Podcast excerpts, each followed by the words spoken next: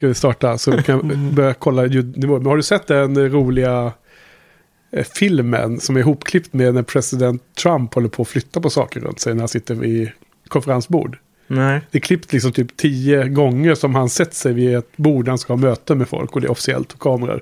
Och han flyttar på liksom, mobiltelefoner och pennor. Och, och det Ska så- ligga rätt eller? Ja, precis. Det, det som är på andras platser ska inte ligga på hans yta. Liksom. Precis. Det är liknande beteende som du gjorde också här. Och så flytta på saker och ska vara helt rakt. Och så. Ja, jag, har en sån, sånt syndrom. Framförallt att han flyttar bort grejer så här. För att det, Ja. liksom, är, det är hans plats här. Ja, inträngde på hans yta. Det är roligt. Mm. Ja, det, det ser bra ut. Ja. Nu har jag i alla fall skrivit min text om Legion. Nej. Jag nämnde det för dig.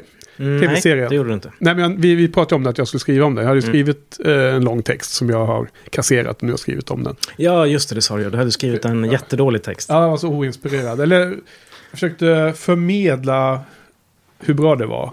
Och så blev det bara superkass. Jag var tvungen att starta om helt från scratch.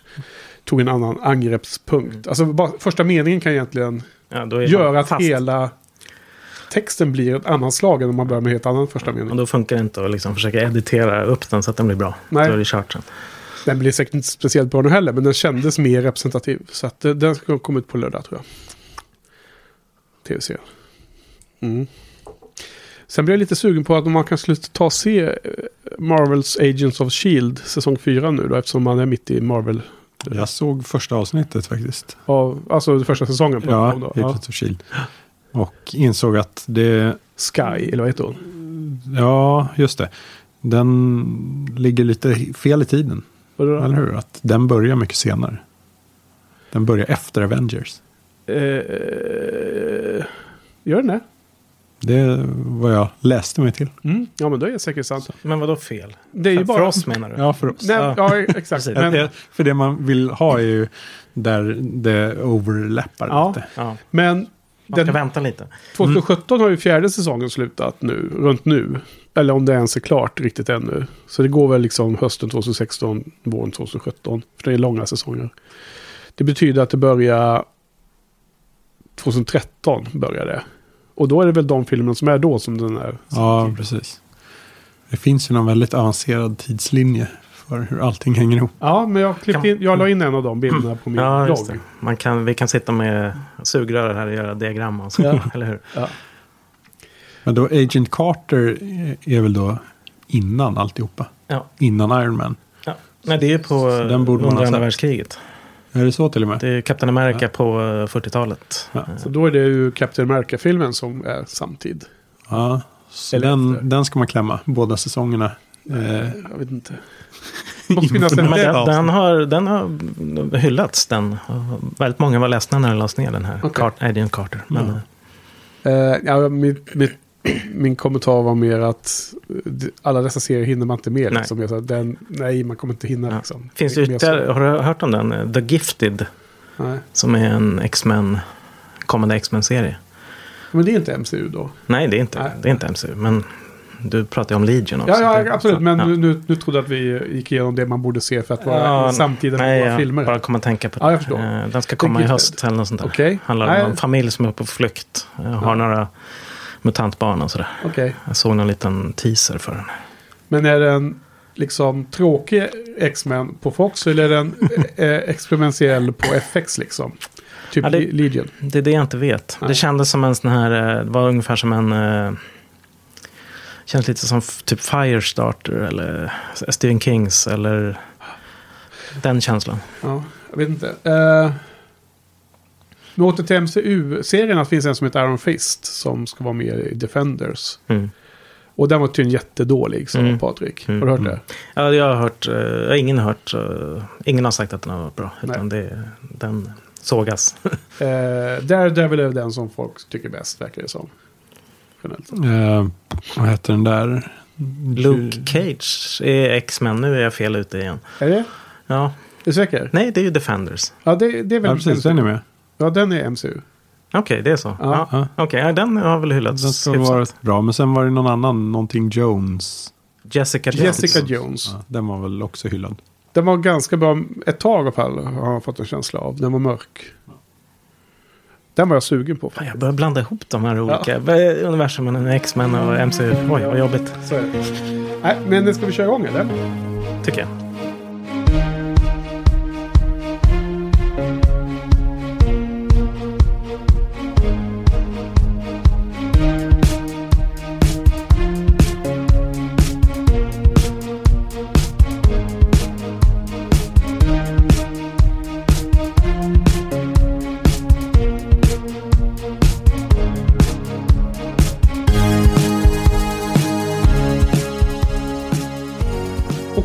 Välkomna allihopa till andra avsnittet av första säsongen av Shiny-podden.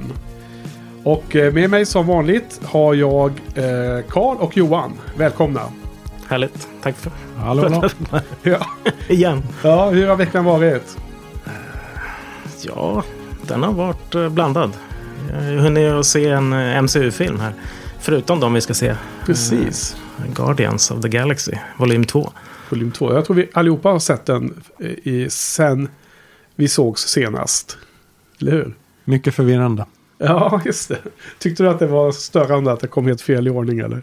Mm, Ja, mm, den psykar lite. Ja. Fast den kändes ju ganska fristående på något sätt. ja. Tycker jag. Så att, eh, Eh, men, den, men den såg vi och eh, för, för vi som har bloggar här då, då har ju också skrivit om det på våra bloggar här nu i häromdagen just. just det.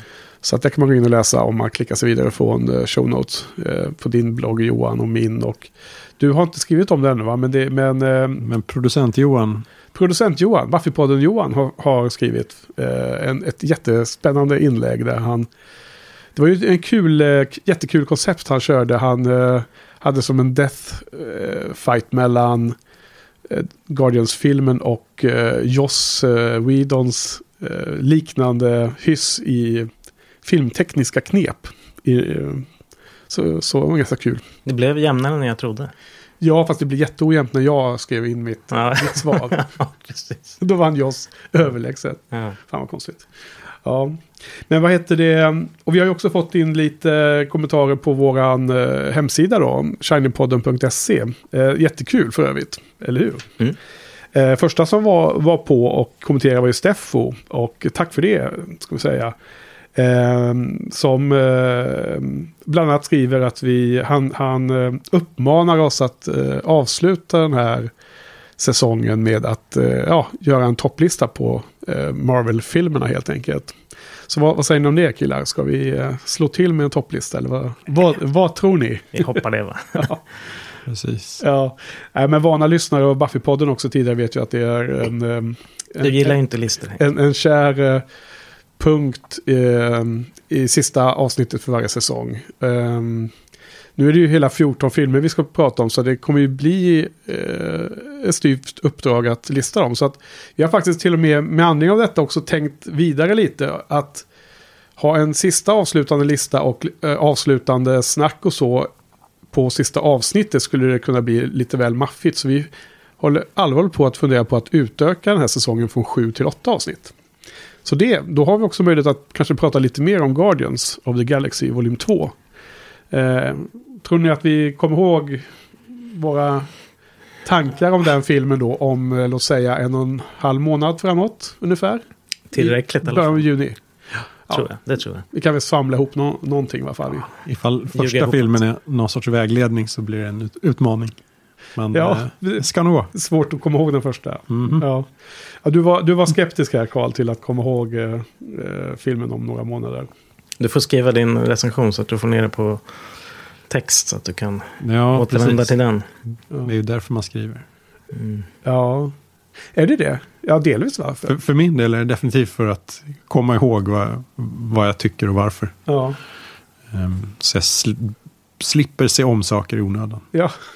Du menar också att bara veta att man har sett den? Ja, men framförallt eh, sådär, vad, vad man tyckte och, och just varför. Ja. Så. Eh, det var lite därför jag började podda också faktiskt. Att eh, få ner vad man har sett. Eh, du då Johan, vad hade du för någon idé bakom podden när du startade? Eller bloggen kanske. Bloggen menar jag nu. Ja. Ja. Vi får, Eh, jag får delita det där. Läsa in om. Ja, precis. Eh, alltså jag har ju skrivit om film sedan början av 2000-talet. Fast jag började på så här forum Ja. som var populärt då på den tiden. Sen började, slutade alla på forum och startade egna bloggar. Ja. Ja. men det är väl lite, det är lite samma kanske. Eh, Är det för att komma ihåg vilka filmer du har sett? nej. nej, vad fan skriver man om film för egentligen? Ja, men det blev så att det, varje film man skulle se, varje film man såg skulle jag skriva om. Ja. Det var som en, eh, lite som du sa, som ett kalendarium kanske. Ja. Jo, men det var lite för uh, ordningssinnet att man, det var kul att ha, ha det nedskrivet vad man sett. Den oväntade effekten av att mm, formulera sina tankar i text var ju att man började se på film annorlunda. Att man började, jag i alla fall började tänka på film mycket mer analytiskt. Och inte bara liksom känslomässigt i binärt, bra, dåligt liksom. Utan man kunde få åsikter om varför var en film dålig eller varför var den bra. Och det har man väl ärvt med lite med i det, det man försöker göra i podden också. Ja, men för mig var det så att jag var intresserad av film, så väldigt mycket film. Men eh, jag saknade kanske någon, alltså vänner här, och liksom eh, diskutera med. Så att eh, då var det naturligt. Då. Och då skrev man ju texter så fick man respons och snackade hit och Ja, dit. då var forumen väldigt bra. Ja, det var, och sen så gick det ju över till bloggandet och bloggsfären och, och det. Ja. Så att det var ju därför också. ja. Mm. ja, och du följer ju dina... Du skriver om dina filmer på Letterbox mer än på bloggsidan. Precis. Carl. Ja. Och det, det är ju en eh, mer social eh, plattform kanske. Mm. Det, Letterboxd. ja, att det, den är konstruerad för att, just ha en massa folk som klumpas ihop. Så att det är någon mellanting mellan forum och Mm. blogg. Ehm, även om det, den då för min del är rent introvert anledning att, börja där. Mm. Eh, Börja... Anledningen till att du startade på Letterboxd. Precis, Att ha den som en eh, databas mer. exakt. Ja, ja. ja, men åter till, eh, till det. Så att vi kommer antagligen göra så att vi har ett åttonde avsnitt. Eller hur? Och då Mm. så kommer vi ha möjlighet att eh, utan att vara tidspressade kunna prata lite om Guardians volym 2. Vi kommer eh, kunna köra eh, topplistor på vad vi tycker om de här MCU-filmerna. Och vi kommer väl då också kanske blicka framåt lite vad vi förväntar oss om de kommande filmerna som är kvar i serien. Som vi var inne på förra veckan också. Det är ju massa filmer som kommer ut här Ja. inom de närmsta åren. Något sånt. Ja men det var ju bra. Bra, bra förslag, tack för det. Och eh, sen har ju producent Johan varit inne och kommenterat lite.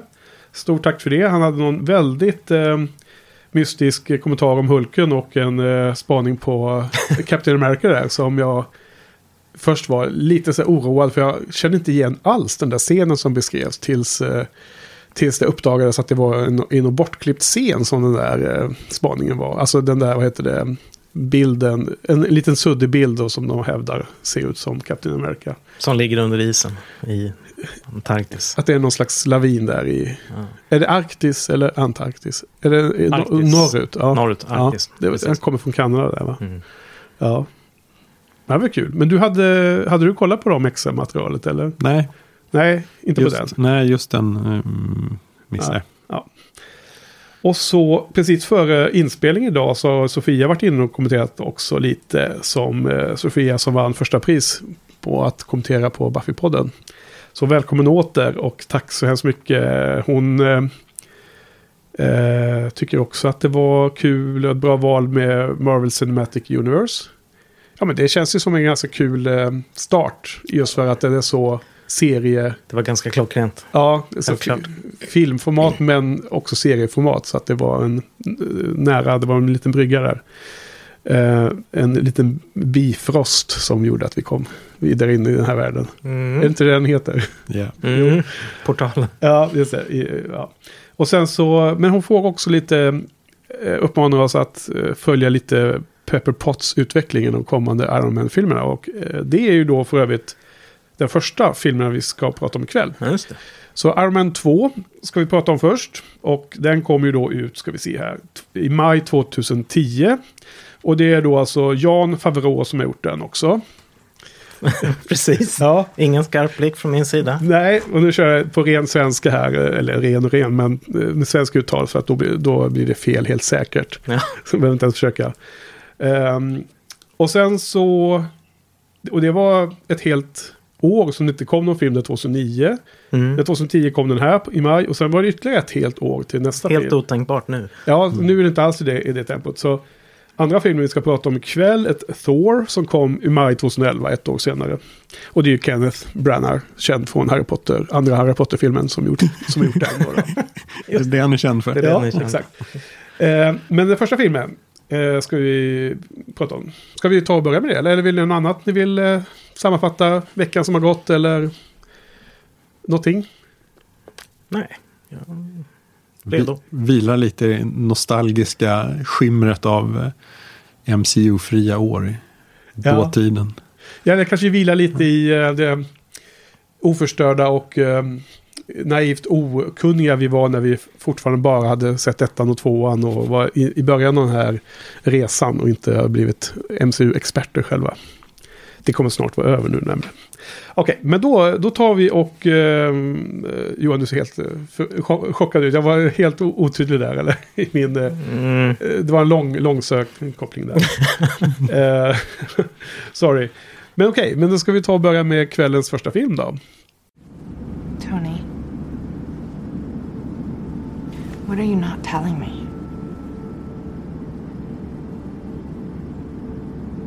I don't want to go home. At all. Let's cancel my birthday party and, and uh, if we're in Europe, let's go to Venice, Cipriani. Remember? Oh, yes. It's a great place to, to be healthy. I don't think this is the right time. We're in a kind of a mess. Så Tony är döende och han lever loppan sitt sista år. Och hans narcissism slår i taket. Har jag skrivit här. Eh, samtidigt som hans papp, döda pappas för detta ryska kollegas son. Eh, som då spelas av eh, Mickey Rourke. Han söker en vendetta för att utkräva någon hämnd. Och han vill dra ner Tony Stark och hans familj i smutsen. Och sen till slut så får Tony hjälp då av eh, Nick Fury och Shield och blir tipsad om att han kan uppfinna ett nytt grundämne som kan, han, som kan driva hans dräkt och hans eh, maskin i bröstet. Just. Så att han kan utan- överleva utan, utan att, att gifta, sjuk, ja. förgiftas. Mm. Så Anthony får leva vidare ett tag. Det är en kort synopsis. Mm. Väl utvald. När man hör den där så vill man ju bara gå hem. Ja, och när man har sett filmen då, vill man gå hem då också eller? Ja, Ja. Ehm. Ja, det ska bli spännande att höra vad ni, vad ni tycker. Men först ska jag faktiskt säga att den är skriven av Justin Theroux. Theroux Just det. som är också ett svårt namn visar sig, franskt efternamn. Men det lustiga där är den lilla random um, nörd, eh, vad heter det, trivian. Det är att det är han som spelar den där regissören i Mulholland Drive. Har du koll på det Carl? ja Mm. absolut. Jo, det har jag koll på. Ja, Absolut. för den, för den här filmen såg vi nyligen på Cinemateket Carl. Ja. Så jag, tyckte att, jag tänkte om du inte hade vetat om det, det hade varit kul. Att det var den skådespelaren som då är författare till den här filmen. Vad- Ja. Vad säger vi om det då? Don't quit your day job kanske. Ja. Som skådis. Ja, okej. Så eh, du är inte speciellt positiv, låter det som. Inte överdrivet. Nej. Um, nej, sällsynt eh, dåligt manus får man säga. Tycker du det? Ja, Ja. Det är så mycket som är fel. Ja, vad bra. Återkomma till det. Men vad, vad tycker du då Johan? Om man säger generellt, allmänt. Eh, Bara stämma jag, av temperaturen. ja, nej, jag gillar ju inte den här filmen. Nej. Eh, jag gillar ju första. Eh, så jag trodde att... Eh, men grejen var att jag hade ju något intryck av att jag gillar inte egentligen Tony Stark. Men när jag såg den första så tyckte jag att han var helt okej. Men det är ju här det kommer. Ja. I tvåan. Så Okej. är han ju... Han är, han är ju odräglig. Det var han även i första. Men här så är han bara odräglig. Det, det händer liksom ingenting. Eh, och jag vet inte om det... Ja, manuset eh, spelar in på det. Så att... Eh, Ja, Nej, den var, allt var sämre tyckte jag i den här. okej. Eh, det finns några ljuspunkter som gör att, eh, att jag inte hatar den. Men Ja. Nej, jag Ja. hade inte kul när jag såg den här. Ja, nej, jag, jag får eh, ta på mig en hjälm här snart, låter det som. Som var den enda som kommer försöka uh, stå upp för filmen. Men vad är det som är fel med manus då, Carl? Shoot. Ehm, ja, f- först och främst eh, att de lyckas göra honom odrägligare direkt. Skruvar upp hela det lite samtidigt som det är lite upprepande hela konceptet med ytterligare någon eh, elak vapensnubbe som på något sätt ska eh, ägga världen mot Ja. Tony Stark och ta, här- ta över hans business. Det här Hammer Weapons, vad hon heter. Ja. ehm, Sam, Sam Rockwells Sam eh, Rockwell, rollfigur där, ja. Mm. Mm. Ja, men det, ja, det kanske inte bara är manusen. Det är ju regin från Favreau också som ja. är svårhanterad. Ja. Jag, eh, direkt i öppningen där så kände jag en lite glädje att den, den öppnade ju utan ACDC den här gången. Nej, men det var ju CDC i Ja, början, precis. Ja, det föll ju direkt. ja, just det. Ja, det kommer en Ja, liten stund senare. I mina notes skrev jag ah, ACDC, det här kommer Carl gilla. Ja. Ja. Highway to Hell. Ja, nej, nej, vilken var det som de började med? Nej, den, va? den, nej, den börjar nog inte. Den kommer nog i slutet. Shoot to thrill har jag skrivit upp Ah, som okej. första. Mm. Highway to hell var ju... Det var ju som två ACDC Mm, lustigt nog. mm. Det var ju inte ens Black. Sabbath i slutet. Jackpot. Nej. Alltså jag, jag är inte någon stor fan av ACDC, men jag kan ju i och för sig inte heller bara skriva under på att det är dålig rock, för det är ändå klassisk rock. Nej, men det kan jag inte hålla Jag med om. tycker det är ganska bra. Det, det är inte dålig rock, men eh, jag har lite svårt för hans röst, den här sångaren, som Ja. vi, inte, vi inte vet vad han heter nu. Men, eh, Ja, Jag har glömt vad det heter, men eh, om man inte gillar hans sång- sångstil, då är det klart att man inte gillar det så mycket. Men det är ri- eh, riktigt schysst, det är ju det är bra partymusik på något sätt. Ehm, ja, du letar efter något i dina notes där, eh, Carl. Ja, vi kanske återkommer till vissa saker ifall vi Ja. betar av i ordning. Alltså jag skulle säga, eh, första gången jag såg den här, jag, jag skrev om den på min blogg ju i december 2010. Och då, då gav den 2 av 5. Eh, så jag var ganska, det var lite så här, ganska blek film. Eh, och jag är tämligen säker på att jag då inte alls såg den i perspektivet att det är en del av en eh, längre filmserie. Och eh, det är ju så förlåtande i mina ögon att det finns de här kopplingarna framåt och bakåt. Mm. Inte minst framåt då, då med de saker man har sett senare. Så nu när jag såg om den här gången så tyckte jag att den var jättebra. jag var supernöjd. Jag tyckte att den var så... Jag hörde en intressant så här, fråga man måste ställa eh, till alla uppföljarfilmer. Varför finns du? Varför finns du som uppföljare till en annan film?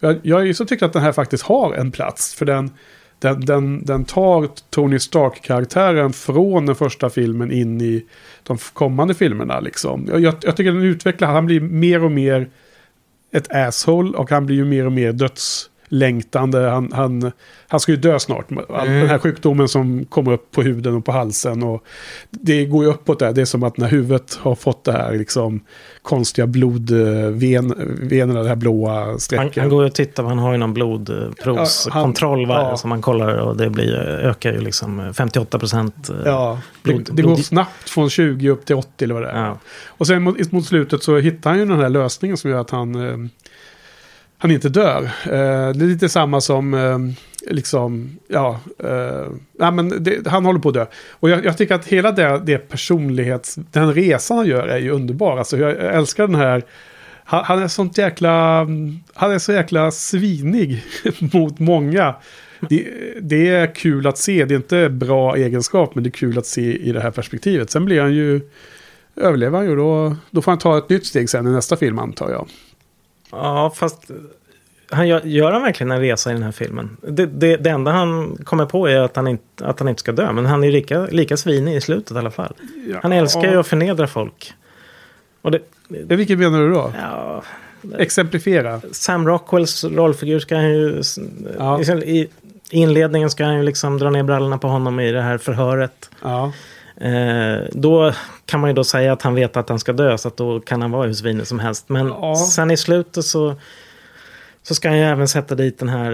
Eh, han som Eh, förhör honom, senatorn. senatorn ja. Ja, men det, men det är helt, var eh, lite, helt eh, lite, fine det tycker var jag. väl inget fel helt, på honom. Senatorn. Ja, han var ju världens svin. Det såg man ju i de första scenerna. Ja, Ja. jag, jag tyckte han kunde vara lite mer ödmjuk när han hade eh, liksom... eh, Senator? Nej, Nej, Tony Tony Stark. Stark. När han väl eh, visste att han skulle överleva. Liksom. Ja, Men det tyckte jag inte han var. nej. Nej, Det, det var ingen, eh, inget, ingen reaktion från Tony Stark som jag överhuvudtaget önskade eller förväntade mig. Så att det var inte alls eh, tecken på att det var dåligt i mina ögon. Jag tyckte att den, den senatorn och Sam Rockwell var de här, eh, bland de motståndarna som han eh, var emot i den här filmen. Vad, vad, vad tycker du Carl? Ja, jag tycker eh, än en gång uselt skrivet just med senatsförhöret till exempel. Ehm, Det är inte speciellt realistiskt. nej, han sitter och är superdryg och eh, på något sätt ska han försöka visa för eh, folket att han inte är en fara för nationen och så sitter han bara och är fullkomligt odräglig. Eh, värre än... Eh, eh, vad heter han? Carl Lidbom. Eh, Anders Björk. precis. Ja, okej. Ehm, så man, ja, det hade ju varit bra ifall senatorn var en Anders Björk. Då hade man sympatiserat ännu mer med honom. Men det, för det ska ju på något sätt målas upp att den där senatorn är eh, en skurk. ja, Och är för hård mot honom. Men det är fullkomligt rimligt ja. efter hur Tony Stark uppträder där. Ja, Eh, alltså det- Så eh, det är mycket sånt skrivet där man förväntas kanske att man är på Tony Starks sida trots Mm. att det inte finns någon som helst anledning till det. Nej, alltså jag, jag vill bara kom, konsta, komma, kommentera en sak. Det här är ju inte en realistisk film i mina ögon överhuvudtaget. Det är en, en, comic, det är en serietidning i filmformat ju. Mm. Och det är så jag tycker man ska, bör se den så att säga. Så att när vi pratade om förra veckan om eh, filmer med en allvarlig grundton där man förväntar sig seriös hantering av situationer.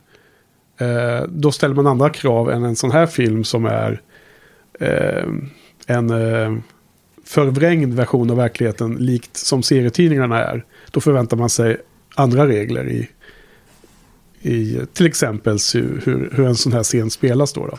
Men jag håller med om det här, den, den scenen var inte det som var bra tycker jag inte i det här. Sen har jag lite problem också med eh, hans utveckling. Sen när han når någon sorts vändning. När han är på botten så är det för att han har förlorat en fight. Och sen kommer Nick Fury in och berättar hur han ska ordna upp allting. Så gör Ja. han det. Och, eh, så allting Förlor- presenteras för honom så han har ingen direkt drivkraft själv att eh, gå framåt. Nej. Eh, även där känns väldigt Vilken torftigt. fight syftar du på som han förlorade? Eh, mot I eh, Monaco, eller? War Machine. Mot eh, Rhodes. Okej, första gången han, de fightas ja. På festen. Mm, ja. just det. Ehm, så åker han ju på stryk och är sen helt knäckt. Tappar viljan att göra någonting överhuvudtaget. Tills Nick Fury kommer och berättar att jo men gör det här nya grundämnet så Ja. löser sig allt. Ja. För det visste Shield av någon anledning. Han hade ju gett upp i det läget. Alltså Ja. han, han, han, säger, han hade ju ändå Han har forskat. gi- givit upp mycket- redan innan fighten. Ja, ja, ja, han hade givit upp redan innan. Han hade ju Därför han hållit hade på festen. jättelänge och försökt hitta nå- något sätt att att överleva så att säga. Så att, men nu var det ju kört. Så att, ja, och det, har- vet jag inte. De säger väl till och med att han inte ska ha festen om det är Pepper Potts eller om det är. Och sen så har han festen ändå liksom. Och de försöker avstyra den flera gånger och han skiter i det. Men det här är lång, långt senare. Jag måste bara dra några saker från början. Är det okej eller? Ja. Eh, när man får se, eh, Mick, vad heter han nu då? Eh, Mickey Rourke där i Sovjet. Eh, som för övrigt då bygger en liknande maskin fast det är något, det är ju de här eh, elektriska piskorna. ja. Det är ju inte en uh, Iron Man direkt man gör något, något liknande. Men la ni märke till att han också gjorde en sån här tunn ring för övrigt? han kollade ju på några gamla ritningar Ja, som hans pappa hade. Ja. Och lämnat efter sig. Och så, så gjorde han ju den här tunna ringen. För det är ju liksom, det har vi ju lärt oss i den första filmen. Att kan man göra den här tunna, tunna ringen. Då kan man göra en sån här arc reactor tydligen. För det, för det var ju den då som driver energin. Som var energikällan även i, i hans... Eh, Ivan eller vad han hette. Ivan hette han ja. Ivans eh, eh, sån här eh, dräkt. Men man får också se det är som ett lite montage där när han sitter och jobbar i sitt, i sitt eh, sunkiga källarvrå där. Då ser man ju massor med utklipp om Tony Stark på väggen. Det jag tyckte var ganska intressant att det fanns ett ganska stort utklipp som det stod någonting om att Iron Man stabilizes East-West relations. Mhm. Och jag bara undrade, vad då är det här liksom, när är detta egentligen? Det, det väl ganska mycket nutid tänker jag. Ehm, eller alltså nutid Ja. när, när filmen kom i varje fall. Alltså det fanns, då var väl det, Det- det kalla där- kriget Ja, var ju över då ja. lite Det liksom. där låter som att det var typ 80-talet. Ja, Innan... eh, men Ja. liksom första Iron Man när han var i Afghanistan och allting, det var ju inte någon 80-tal. mm. Kanske menar Mellanöstern och väst. Ja. Någonting är det i alla fall att, att eh, Tony Stark har ju jobbat där och så. Det framkom ju även i senatorsförhören att Vi- vi liksom trodde att eh, vi var skyddade av dig men nu vill vi hävda att det här är farligt ändå. Och sen så säger Tony Stark det finns ingen annan som kan bygga de här dräkterna. Ni, ni, det är lugnt för er. Och sen så visar det sig att ryssen kunde bygga det och då faller hans argument. Mm. Så att Mm. på något sätt har ju ändå eh, han gjort de här framstegen med Peace. Och det finns väl något skämt där runt om mm, privatisera World Peace också. Mhm. Vill han ju hävda där, Tony Stark. Va? Men, men lite oklart där vad, vad som menas med det tyckte jag. Eh, sen så var det en annan kul grej att det var så himla många, många eh, referenser, eller vad heter det, liksom vibbar jag fick i huvudet när man såg den här inledningen av den här filmen. Att, eh, han har ju det här Expo, starten, eh, öppningsshowen av Expot. Var väldigt så här Steve Jobs eh, liknande. Tänkte ni på det? Du vet när Apple hade sina sektmöten med Steve, Steve Jobs så har man en känsla av att han poserade på liknande sätt. Ja. mm. Även om det inte var lika mycket cheerleaders som stod och viftade på rumpan kanske. Ja, Steve- det, Steve det är väl några sådana där som... Det är väl Elon Musk påstår de är eh, en stor förebild. Ja, för han är ju också med som cameo här i Monaco-scenen. Ja. Vilket är lustigt. För sen, sen kommer de över till senatorsförhören. Och då, är, då får jag den här vibben av eh, den här filmen Social Network. När de sitter och förhör, eh, vad heter han, Mark Zuckerberg i olika scener. Han också är helt dryg i den filmen. Ja, han är, han är dryg i den. Ganska lik så som Tony Stark Ja, spelas ja. upp här då. då. Mm. Den filmen heter ju The, The Social Network. Eh, och konstigt nog, alltså den borde ju heta Social Network. Drop the the. It's cleaner eller vad de säger. Du vet. Just det. Kopplingen till att det hette The Facebook först. Men, eh, Ah. men han, eh, Just det. Eh, han som, vad nu heter, Sean där någonting. Bad om att ta bort the. Så det var, det var någonting. Sen är det samma sak. Eh, ryssen sitter där och eh, kämpar på och jobbar på. Eh, tränar sina muskler medan Ro Rocky borta i, USA bara liksom showar och har parties. Helt plötsligt är det liksom Rocky 4-vibben. Känner ni av den då? Nej, det kände jag. Men däremot Inte tänkte jag på en ryss som stod och slog med en hammare på en glödande järn i någon smedja. Liksom. Ja, Det kändes... eh, ja. Eh, det var... Det var symboliskt. ja, på något sätt. Mm. Jag gillar Mickey Rourkes hela uppenbarelse därför. Ja, ja, jag, lite Bob-vibbar. jag gillade faktiskt också Bob Mickey vadå? Twin Peaks. Twin Peaks Bob? ah, Såg lite otäck ut. Sin rasta. ja. och- Var han, Inneboende var han ondska. bra verkligen? Jag tyckte han var ganska... Ja, jag, Överdriven. jag, jag vet när jag skrev om filmen första gången så eh, skrev jag att ehm, jag blev direkt påmind om eh, The Wrestler. Ja, Liksom, eh, för då hade jag precis sett den. det har jag skrivit upp här också. Ja, så att eh, han har någonting i, i sin stil. Det finns någon, någon sorg inbyggd i hans Mm. ansikte där som jag uppskattade. Sen så hade han ju en eh, vedervärdig brytning som jag tyckte. Då, men Ja, du gillar inte hans eh, specie- väska? speciellt när han sa bird. Ja. Då sa, Och hur, sa, hur sa han då? då? bird. Ja, ja, precis. Ganska bra. Eh, stödde du dig på hans eh, brytning eller hans Ja, in, inte nämnvärt. Nej. Tyckte han var lite smårolig. Alltså jag, jag Ja. tyckte det var, den var kul. Men den var överdriven. Men kul. Ja. Sen var det en annan sak då som jag tänkte på som jag måste ta upp innan vi börjar grotta ner oss i eh, manus här igen då, då. Men förra veckan så Carl, du eh, eh, pratade om att John Favreau liksom typ var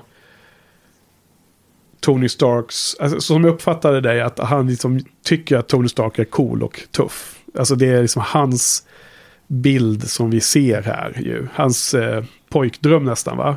Ja, eller hur? Och det kan jag nog köpa till viss del. Och, men, um, men det lustiga är också att um, det verkar som att hela det här projektet också har varit populärt på något sätt. Att det har varit som en grej i Hollywood. För att ganska tidigt, eller väldigt tidigt i filmen så är det ju två tämligen kända skådespelerskor som är bara med i världens minsta roller. Eh, redan inne, inne på Expo-arena när Tony Stark går ut så blir, kommer en reporter fram och ska prata med honom och har typ en line i hela filmen. Det är Olivia Munn. just det. Munn, Hon är ju, hon är ju ganska känd. Liksom. Hon är med i många filmer. Fast ja, Hon är inte var, jättekänd. var väl inte några jättenamn då. Jag, jag, vet, jag var tvungen att researcha henne när, när du nämnde det Ja, men tidigare. jag, jag har sett henne många gånger. Och, och sen må det vara... Sen är hon ju också ehm, mer känd i kanske mina ögon också. Eftersom jag följer NFL. Och hon var ju ändå så här kändis-couple. När hon, hon, hon blev ihop med Aaron Ro- Rodgers, eh, quarterback i Green Bay. Jag vet inte om de fortfarande är ihop. Vet du det, Carl? Eller? Ingen aning. Nej, men de var i alla fall ett sånt känt kändispar ju. Eh, men Kate Mara sen så kommer i nästa scen, direkt när han kommer ut, och så står vid bilen. Och är någon slags polis, eh, som eh, marshal, som ska ge honom en, en, eh, sån här in, inkallelseorder till det här senatorsförhöret. Precis. Och det är också världens Ja, det, jag tänkte direkt, vad fan, det där är ju Kate Mara. Ja, men hon är ju vad, känd Vad kul att hon ska vara med, Ja, var, tänkte jag. Men eh, jaha, nej, det var... var hon någon 2010? Jag vet inte. Nej. Ja, men när, när spelade hon den här journalistfilmen med, med han den plufsiga, vad heter han, Russell Crowe? Det var, inte, det var väl nej 2009 det, det eller var väl, var inte det Rachel McAdams eller? Ja, det kanske jag blandade ihop där. Ja, State of Play tänkte Ja, jag på. ja. Ja. Nej, det var nog Rachel McAdams, tror jag. ah, okej. det- det- de, de är på ungefär samma plats i huvudet. Så känd var hon. Jag Blandar er. Ja, så känner hon. Okej, men så du menar att de är på väg upp i karriären? De är liksom Ja. inte kända där? Ja, okej. så du har ett svar på det. Bra. Blind gissning. Ja, men, jo, men det var bra. Nej, det är nej. Det var, det var fakta. Så var det. Eh, fångar du deras eh, collegefotbollreferens då? Eh, det är inget jag minns. Hi. Hi, And you are? Marshall. Irish. Jätteroligt. We, we are Marshalls. Alltså, Ja. Det är ju någon... Marshall är ju ett, ett collegelag. äh, The Fighting Irish är ett annat Mm. collegelag.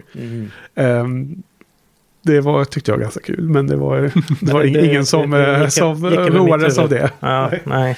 Jag hade inte en chans att roa mig eftersom jag inte snappade upp det. Ja. Och sen var det en kul, eh, sen har vi cameon också då, Stan Lee, Mm, redan nu. Det råkar stå där i mina notes. precis. Det var ju den här eh, nyhetsreporten som dök upp. Vad är den heter? Larry King. Larry King, ja. Med hängslena. Ja, och han som är så himla eh, benig och Ja. tunn i kroppen. Och han, han såg också ut som honom, precis som han Ja. såg ut som Hugh Ja. Hefner i första filmen. Ja, Det var det verkar vara en grej där de hade i de två i alla fall. Att han skulle vara en liknande någon annan. Ja, att han skulle liksom misstas för någon annan då. då. Vad, vad tänkte du om den scenen? Den passerade mig förbi.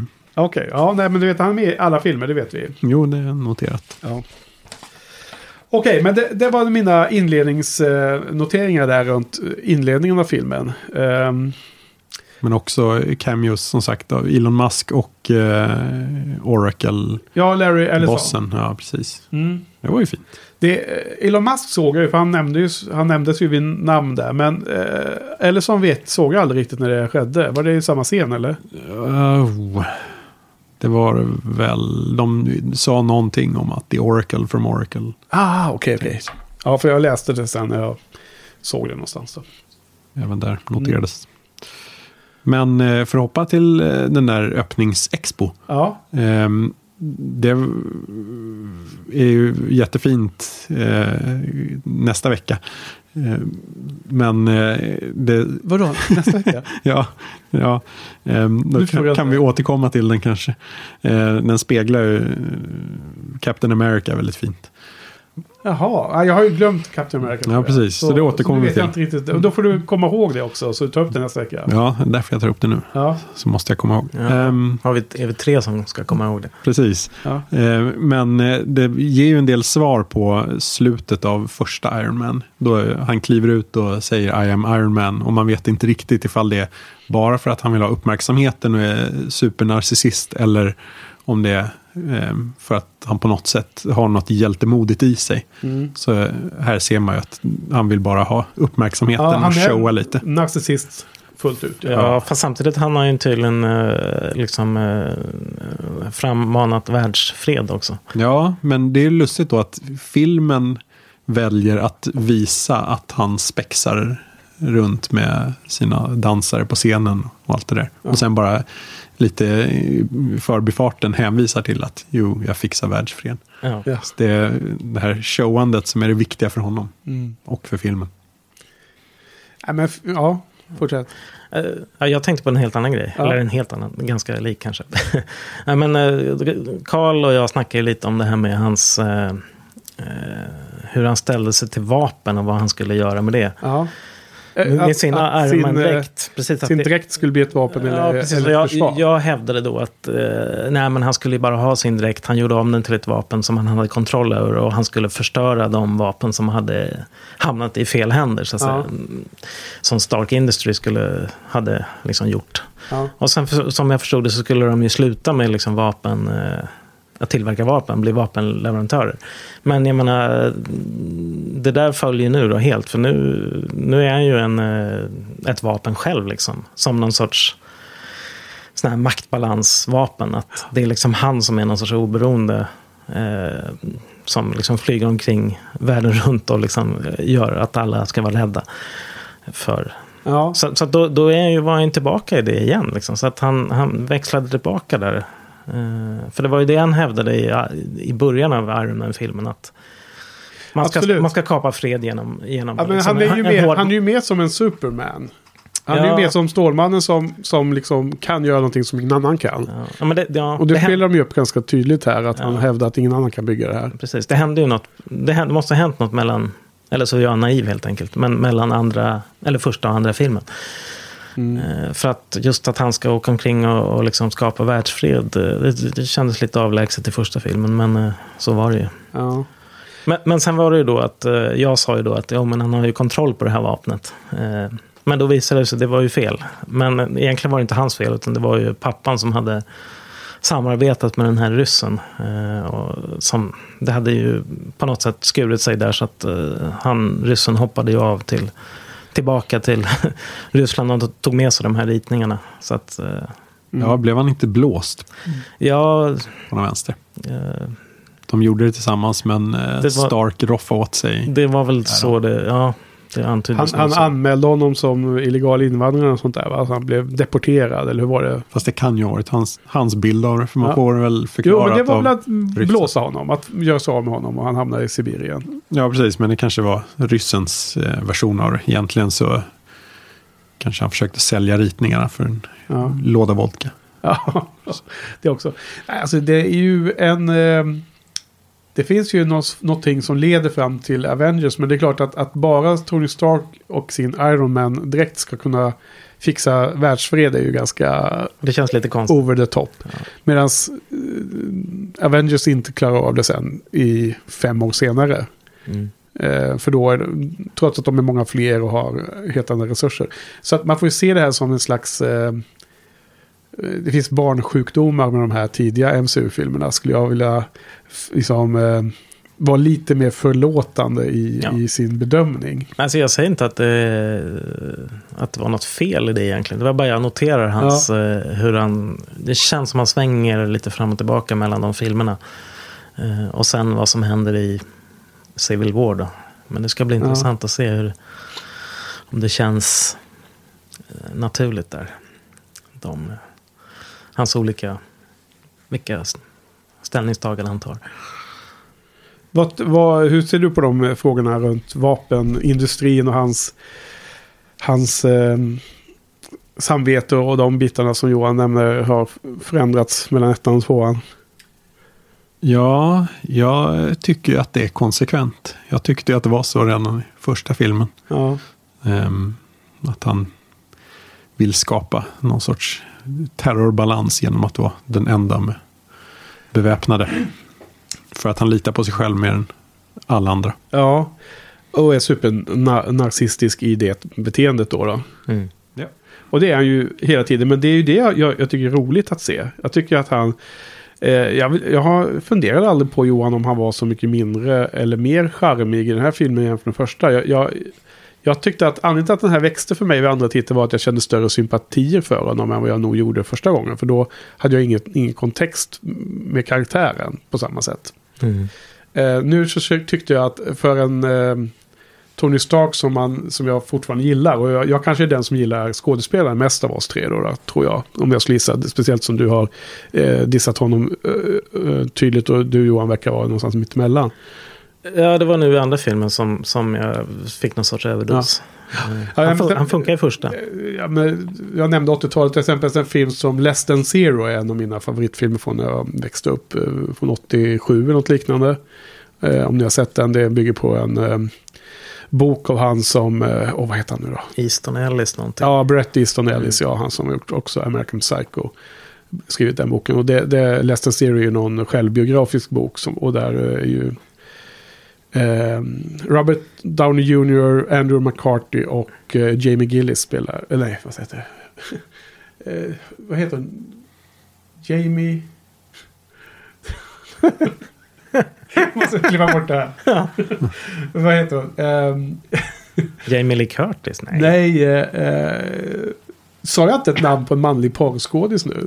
Mycket möjligt. Men hon het, heter Jamie... Alltså är det en hon eller? Ja, Är det hon i, i Top Gun? Nej. Nej. Nej, hon är väldigt eh, okänd tror jag. Sånt, eh, ni är för unga. Ja. Eh, Här är bra content. ja, nu måste vi pausa här lite. Ja, det är från, från 87. Det är, vilka var det nu då? Jag kollat upp här. Eh, Robert Downey Jr., Andrew McCarthy och Jamie Gertz. Gertz som spelar Blair, tjejen där. Mycket bra film. Så att ända sedan den, och det finns flera andra filmer ehm, som han var med i. Han spelar ofta i sig ett uh, asshole också i, i hans tonårsfilmer. Så har jag gillat eh, Robert Downey Jr. och uh, åter till Iron Man 2 då. Så jag kände ett större sympati för karaktären och ändå liksom bestämt sig för att dö. Eller han inser att han kommer dö och Mm. får leva under den vetskapen. Och det är den eh, ton, tonen i den karaktärens beskrivning av, jag menar det kulminerar med att han bara hoppar in i en Formel 1-bil och ska köra sitt eget stalls bil i Monaco-racet då, då istället för att vara åskådare är ju eh, helt orealistiskt, helt oseriöst, men en, som en serietidningsfilm så är det ju, även då, då funkar det, då, är det ju, då passar det in i stilen, tycker jag. Eh, så det, det, är den, det är den resan jag ser när han sen då överlever och liksom det blir bra igen på något sätt. Då, då. Kan jag tycka. Ja. Ja, jag, ja, ja, jag kände inte att, att han gjorde någon personlig levererar, resa. levererade. Nej, ingen personlig resa själv på något sätt. Han var, jag tyckte han mest var... Han var, han var liksom odräglig konstant och eh, skulle leva loppan liksom. Jag vet inte, det var inte så kul att se för mig. Den här festen var ju mest också pinsam tyckte jag. Ja, men exakt, men det var, ju det, det, var det ju. Men, men eh, Ja. det var ju inte Men alla... Ja, menat att man skulle tycka att det var en superhärlig fest liksom. Nej, Eller? nej. Nej, men, nej, men Alla, alla, alla som var där verkade tycka det var jättekul, förutom Potts och Rhodes. Ja, de, var, Precis. de, de tyckte det, men det, var, det, det kändes ju bara pinsamt awkward hela tiden när man såg på scenen. Ja, och härligt eh, hur den avslutas när de ska börja fightas. Att han har DJ AM där och eh, ber dem att få ett fat beat för att spöa sin kompi, Ja. kompis. Och eh, han får eh, Queen, Another One Bites the Dust. Ja. Det är John Favreaus feta beat. Ja. Ehm, ja. Ja, det är så himla negativt. Jag själv, så det är himla roligt. Eh, Sen var det väl i och för sig en remix av något slag, men det, ja, luften gick ur igen där. ja. Det, Men det är efter den fighten som man hamnar, eller sitter i den här eh, donuten, munken, och äter munkar själv. Just Och. Nick Fury kommer. Då är det en väldigt bra låt också. Vilken är det då? då? Det är en eh, liten kort Beastie Boys-låt. Ja, ja. Gr- Grove Holmes heter Okej. den. Han är någon gammal eh, klaviaturspelare tror jag från 70-talet som heter så. Jaha. Så de gjorde en liten hommage till honom. Det enda man kan där är ju sa sabotage. Den är ju bra. Ja, jag kan betydligt mer. Ja. säg, säg de bästa då. Bästa Beastie Boys-låtarna för en som inte So insatt. What You Want. Ja. Från eh, Check Your Head-albumet. Ah, det, den gamla vinylen. Yes. Ja. Var kommer den ifrån? 90... 91, 92, något sånt. Ja. Carl, är du Beastie Boys-fan? Nej, Nej? jag roades lite av Sabotage några Ja. veckor. Ja, precis. Den här roliga videon. Ja, ja, just det. Det Ja. också. Mustascherna. Ja, Ja, mm. det kommer jag ihåg. Men annars, det är kanske elakt att hacka på DJ AM för han dog ett halvår innan filmen släpptes. Ja, då var, han- då var hans insats jättebra.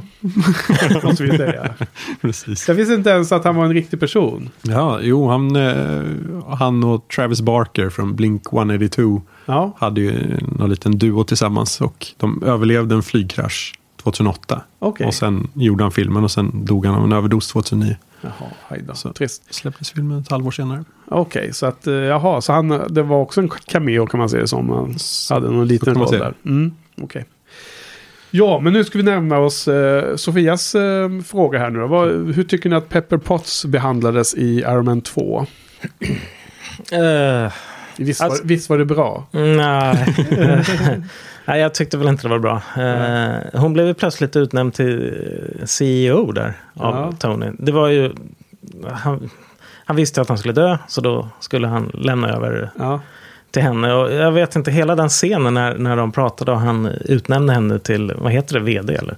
Ja. Lite, eh, nej, jag, jag tyckte den bara kändes konstig. Och hennes reaktion var också liksom väldigt märklig. Eh, ja. ja. Ja, ganska mycket axelryckning. Så, här, jaha. ja Nej, men det var som att de fick en, eh, kanske en, en trevlig födelsedagspresent, en middag eller någonting. okej. Fick jag den känslan. Åh, vad- Ja, trevligt. men ja. Och sen, och sen ja. var vd en vecka och sen tyckte hon det var så jobbigt så då slutade hon. Ja. Eller? Men det, det är mycket handling nu. Vad, vad tyckte ni att de, hur hon behandlades som karaktär då? Jo, men då blev det ju... Det, det ledde ju liksom inte någon, till någonting. Eh, som karaktär då, då. I och med att... Ja, Ja, det kom inte fram någonting. Hon var ju superblek i första filmen också. Och eh, har ju ingen direkt personlighet. Hon är li- lite eh, tjatmamma åt honom och sen ordning och reda. Och, ja. så var det i bättre. första filmen lite mer. ja, det fortsätter ju.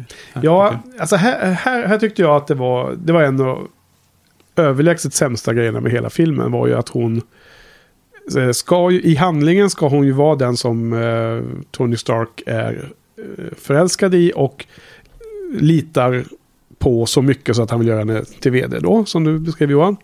Och ändå så beskrivs hon ju som så otroligt svagt i många andra scener. Inte minst i den här actionscenen i Monaco när de blir anfallna av Ivan första gången. De sitter i, i, i limousinen där.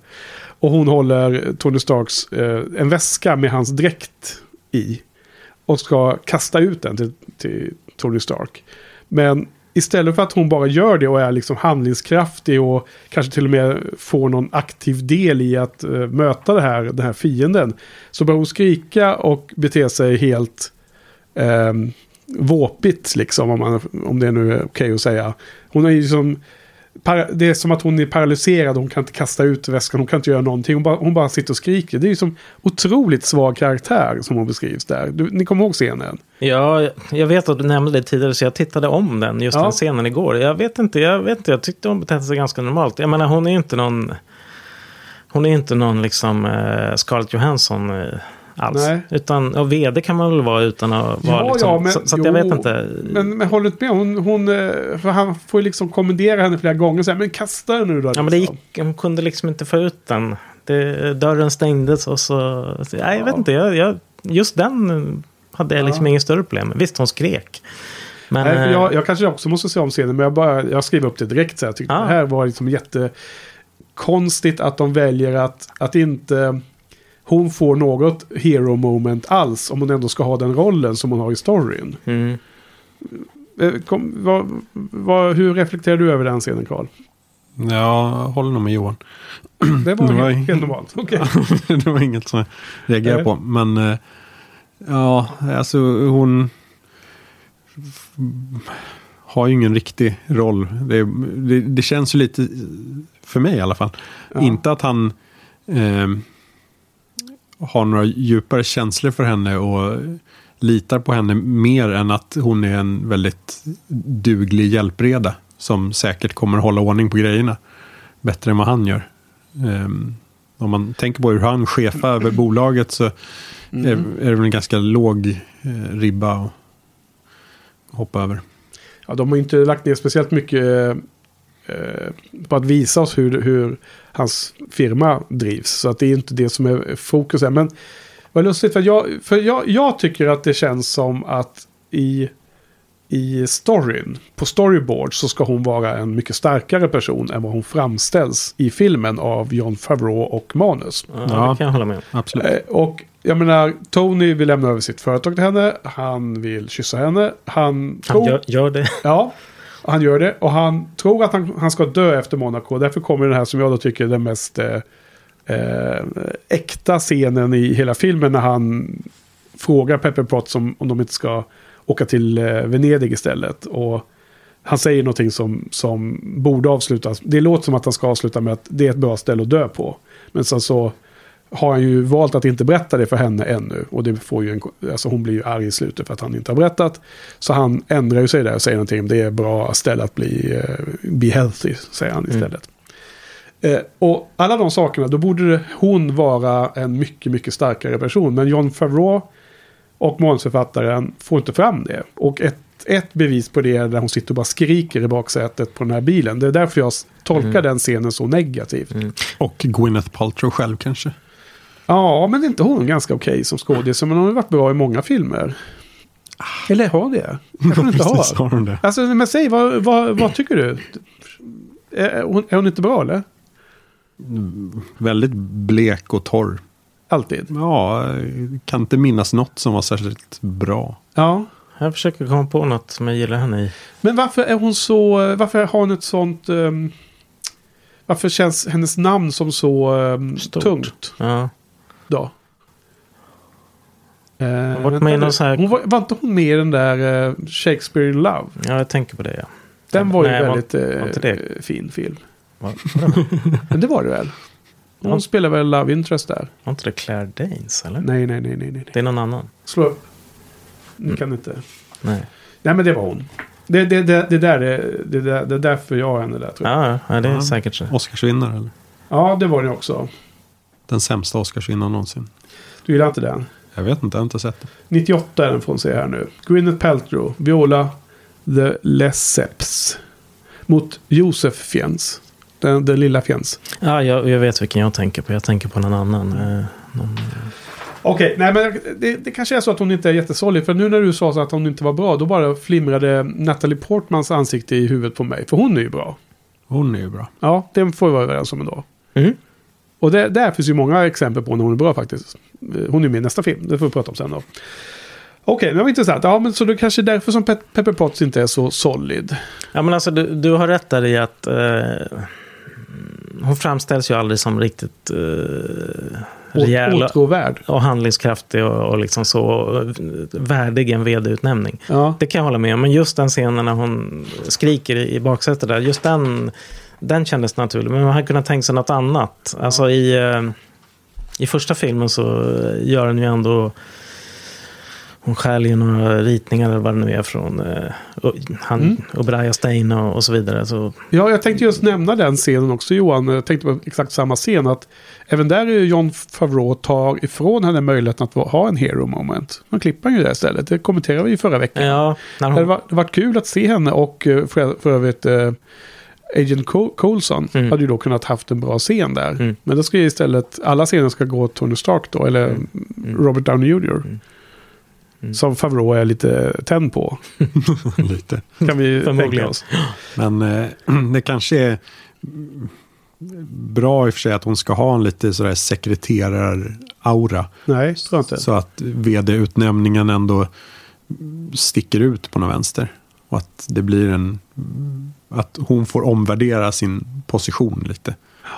Att det inte stämmer överens med hennes självbild. Mm. Eh, Det kanske Det, är så de det, tänkte. det är ju ehm, så att hon kommer försvinna ut ur serien här efter detta ju på ett sätt. Det är väl här nu hon börjar avvika va? det minns jag inte. Nej, men jag har för mig att hon försvinner sen. Det märker vi. Ja, det märker vi.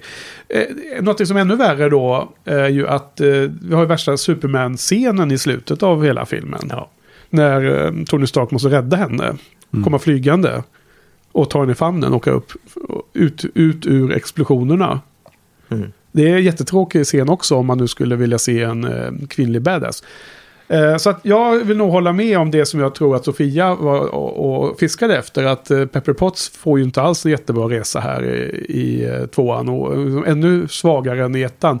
Ettan är hon ändå någon, i någon mening konsistent. Hon, har, hon biter ifrån lite i första scenen. Vi får se henne där som när hon, kastar, när hon visar ut den här journalisten som Mm. har övernattat och så. Då har hon liksom ändå lite, lite fräsig mm, dialog där.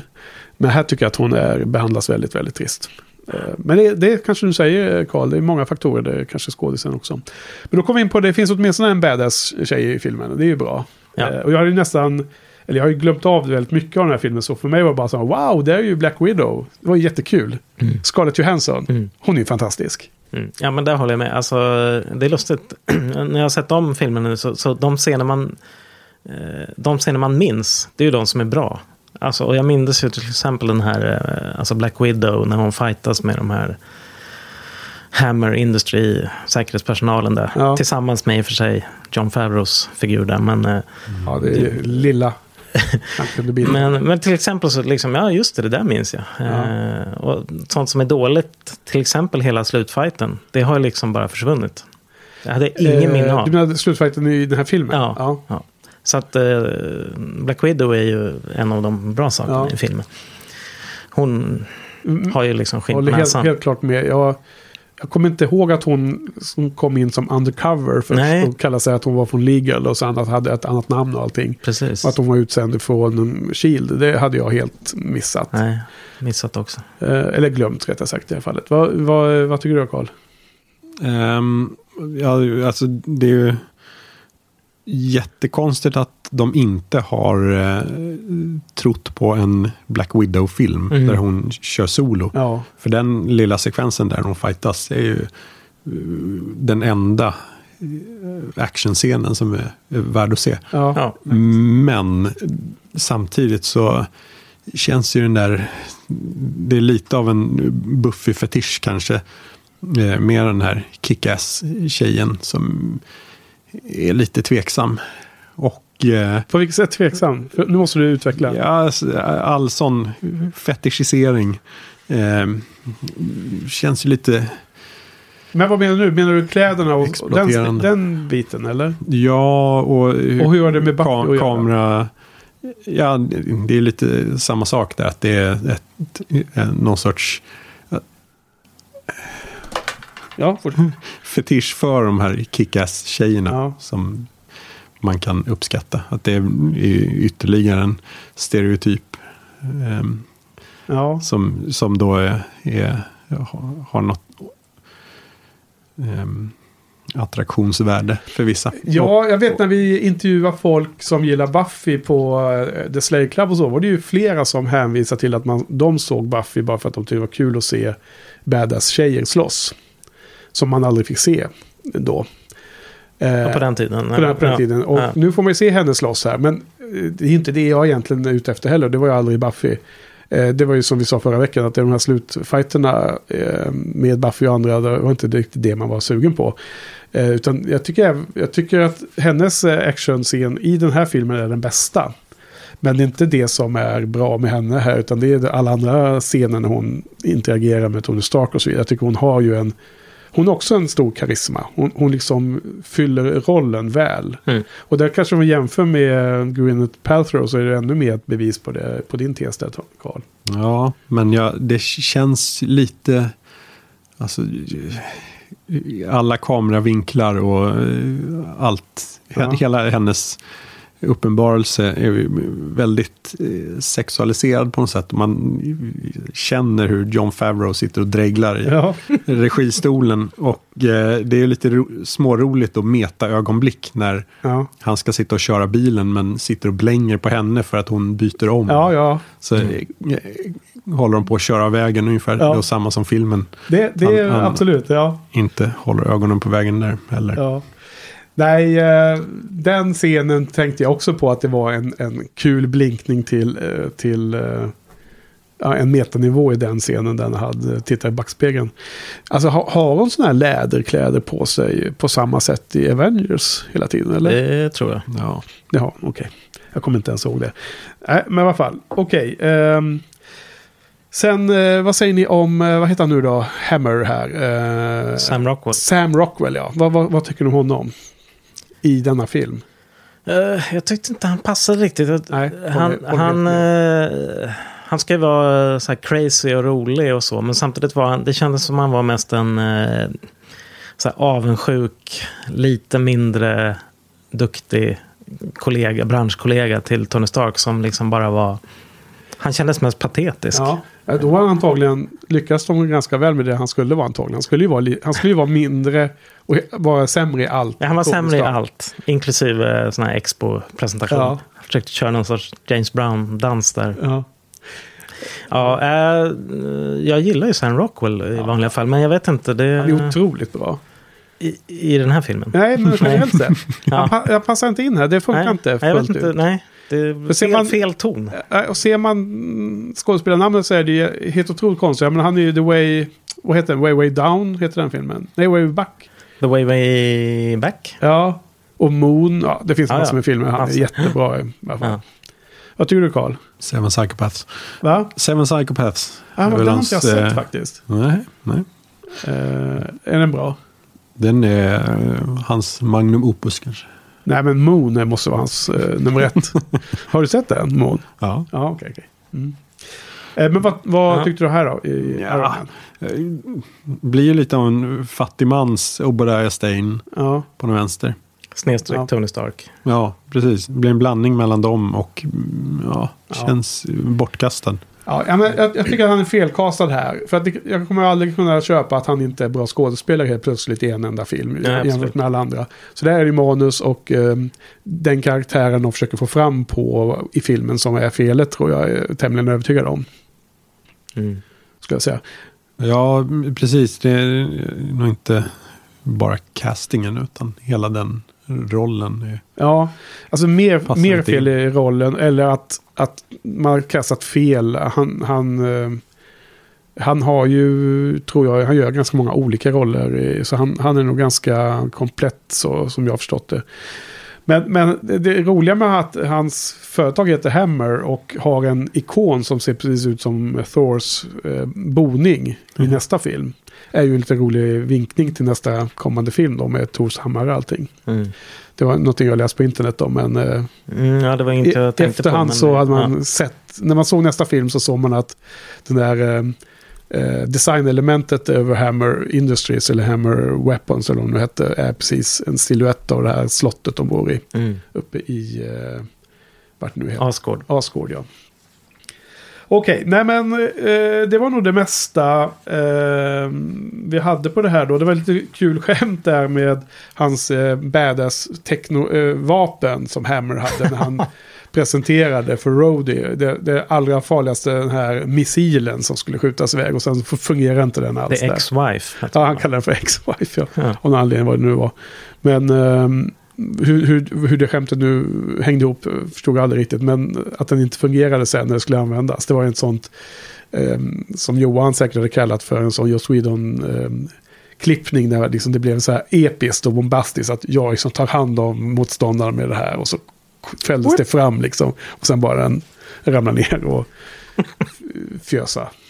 Mm. Ja, inte jättekul Carl. Jag, jag, jag ser det i Nej, men, in, inte, inte road. nej, men jag tänkte hela den där slutfighten är ju lite småroligt att eh, War Machine åker runt i är det Iron Man version 2 eller något som han har stulit. Ja, Eh, och att eh, han då är helt meningslös. Han får ingenting gjort eftersom Tony åker runt i sin version 4. Som det ja. Tio resor bättre. I och för sig så vinner de ju hela fighten bara för att de eh, tar sina Samarbete. strålar mot varandra. så Ja, att han är inte helt meningslös. Nej, men innan, innan det Ja. så gör han verkligen ingen nytta för hans lilla Nej. gamla dräkt. Det håller, hänger inte med längre. Ja, alltså, jag, jag, tyckte att, jag, jag tyckte att den här sista scenen som jag faktiskt också kom ihåg Johan. Det var inte bara Black Widow, jag kommer också ihåg när de var inne och slogs där det var en liten bäck liksom. Och kom ihåg Ja. att det var som en dålig scen. Men, Jag minns ingenting av den. Var... men, men nu när jag såg den så var jag ändå ganska nöjd med att eh, precis som i första filmen så gick det hyfsat fort i varje fall. Det var ju så flera steg och varje steg var ganska kort. För det kändes som att när han dök, kom in där, eh, vad heter det, Ivan till slut, alla eh, robotarna hade blivit liksom sönderskjutna. Eh, att det skulle kunna pågå hur länge som helst han håller på med sina piskor dagarna. Men det var ganska kort faktiskt. Och det kändes som en fördel i det här fallet då. Det var, ja, det, Men det är ju bör, Ja. början på slutet här. Eh, att det väller fram en massa ansiktlö, ansiktslösa monster som Ja. kan betas av utan problem. Eh, vilket ju blir ett enormt problem senare i serien. i Marvel-serien. Eh, precis, och det, ett annat stort problem är ju det här att det är så otroligt eh, känsligt det här med barntillåtna filmer. Där det, nu har vi alltså ett antal morbida robotar som Ivan har eh, programmerat att gå omkring och skjuta bland folk. Och vi ser ingen blir, blir träffad. Nej, helt absurt. Ja, Eh, den största besvikelsen är väl när det dyker upp en unge med Iron Man-mask. Ja. Och eh, roboten eh, tvekar av någon anledning. ja. Så att eh, den hinner bli skjuten. Men du, vet, Det hade det, varit roligt med, om ungen strök med. Ja, det var, och jag som hade mina spaningar på andra filmer tidigare. Det var ju lite som eh, Phantom Menace där va? Liksom. Nej, vad heter den? Episod 3. eh, Ja, Star Wars Episod 3. Då när Anakin eh, dödade Younglings. Det kunde vara en liknande scen. Men det, det, det, i den filmen fick man inte se det heller. Och här, här hände det inte ens. Liksom. nej. Men vilket fall som helst så är det ju, om man jämför med en film som Logan som, som tar superhjältefilmkonceptet till en realistisk värld. Då, då hade ju aldrig en sån här scen, alltså det är helt annorlunda en sån här scen. Då hade det ju skjutits och det har flugit eh, kroppsdelar överallt liksom. Så Är, är det några ungar som blir slaktade i Logan? nej men det, Det hade varit... inte va? Nej, det vore nästa nivå. Det är nästan nivå, ja. Eh, och det är inget självändamål utan det är ton tonaliteten i det hela är liksom att det här är Lattjo Lajbans film och det, man får se det i de, med de glasögonen. Det är som kommer aldrig... Alltså jag gillar den här mycket mer än när jag såg den första gången men det är ju som fortfarande inte... Det kommer inte upp på fyra liksom. Det går inte att komma upp på fyra med en sån här o... Jag vill- o, o eh, allvarlig film. Det är väl lite så jag var inne på förra gången. Ja. Just själva formatet i sig. Det är svårt att ja. till något. Den, den är inte tillräckligt rolig för att höja sig och den är inte tillräckligt mycket stakes som känns Mm. i själen, i hjärtat när man ser filmen. När, när de här kommer ut och går där och skjuter de här robotarna, vad, vad kallas det? Det var drones. Drones. Ja, Jag måste ju säga det också. Drones är det tråkigaste som finns också. ja generellt Ja. sett. Ja. Ja. Blir speciellt än, när de blir är... ännu tråkigare när i de är- nästa film. när de är 200 Iron Man- stycken, ja. Iron Man 3 blir ännu sämre. Men, eh, Var det, Det en blir- stor fråga på den tiden? Just konceptet med, med drones och sådär. Ja. Som, mm, jag vet Om man inte. tänker på Robocop-remaken så var det ju en explicit Ja.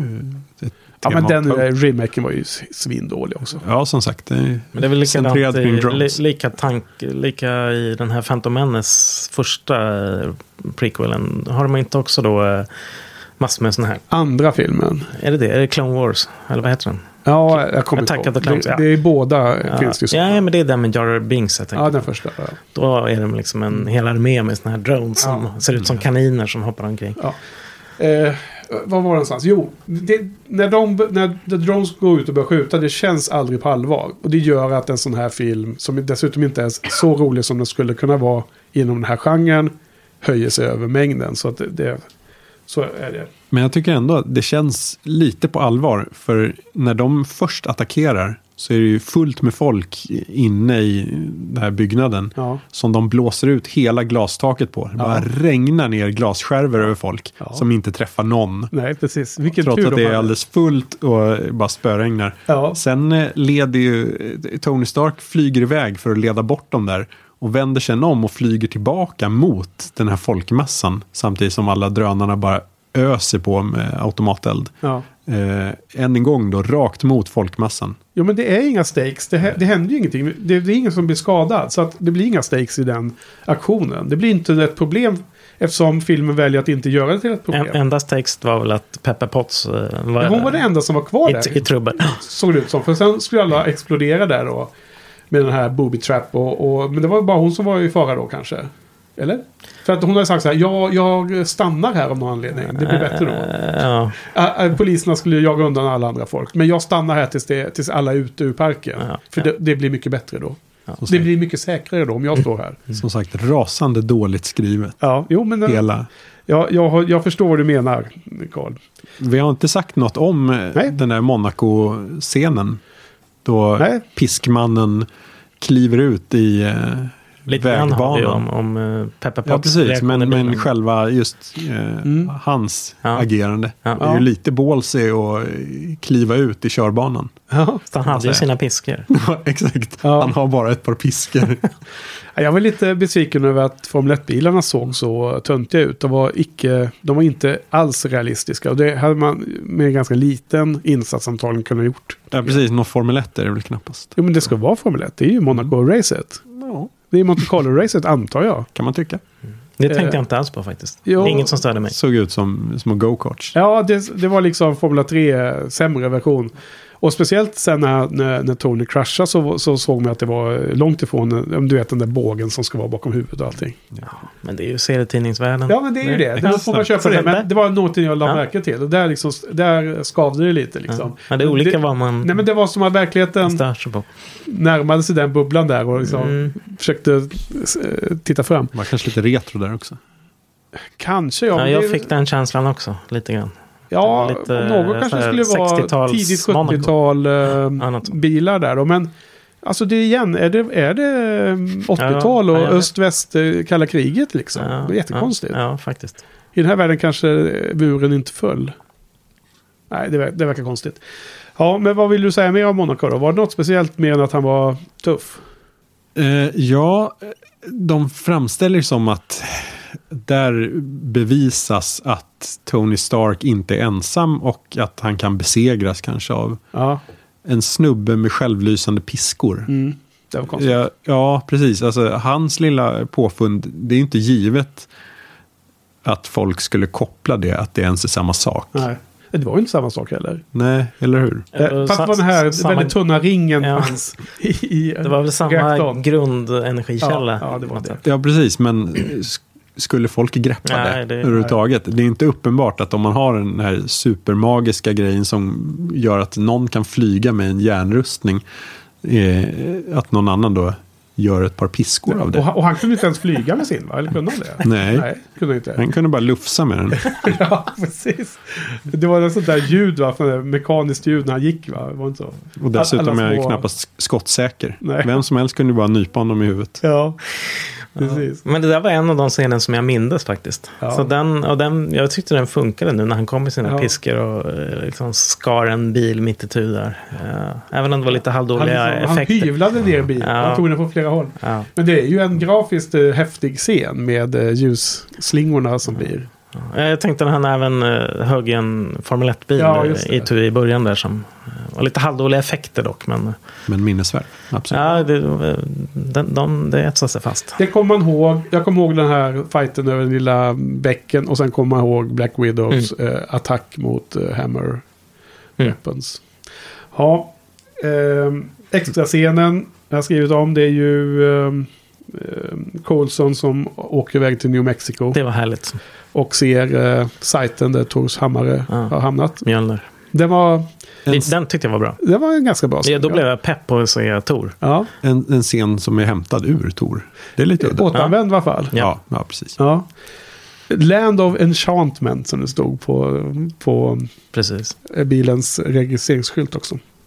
Men en annan bra scen eh, som vi kanske varit inne på. Det var ju när, när eh, efter eh, Tony sitter uppe i munken där så har ju, snackar han med Nick Fury där. Och, Ja, om eh, att, han, att det finns ett botemedel och Black Widow kommer och avslöjar sig som ja. att hon är Black Widow. Och, Romanoff, ja.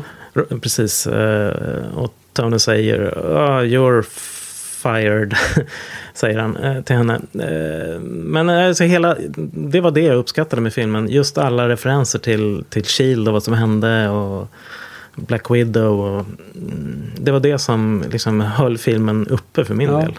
Fasen, du måste börja se på Agents of Shield Johan. Du får nog ta och klippa den här under Ja, kommande veckorna. ja. Men det är Om, om du gillar de här grejerna, om du säger att det är det här som du gillar, det... det. Ja. Men det är ju fel tid då, enligt Karl. Precis. Eh, Agents of. Shield började ungefär 2013 ja. Mm. Så att, men för att hinna tre, eller fyra säsonger totalt så tror jag nog ni ska försöka ta dem på snabbare än en vecka bara. Det är lite svårt. Lite.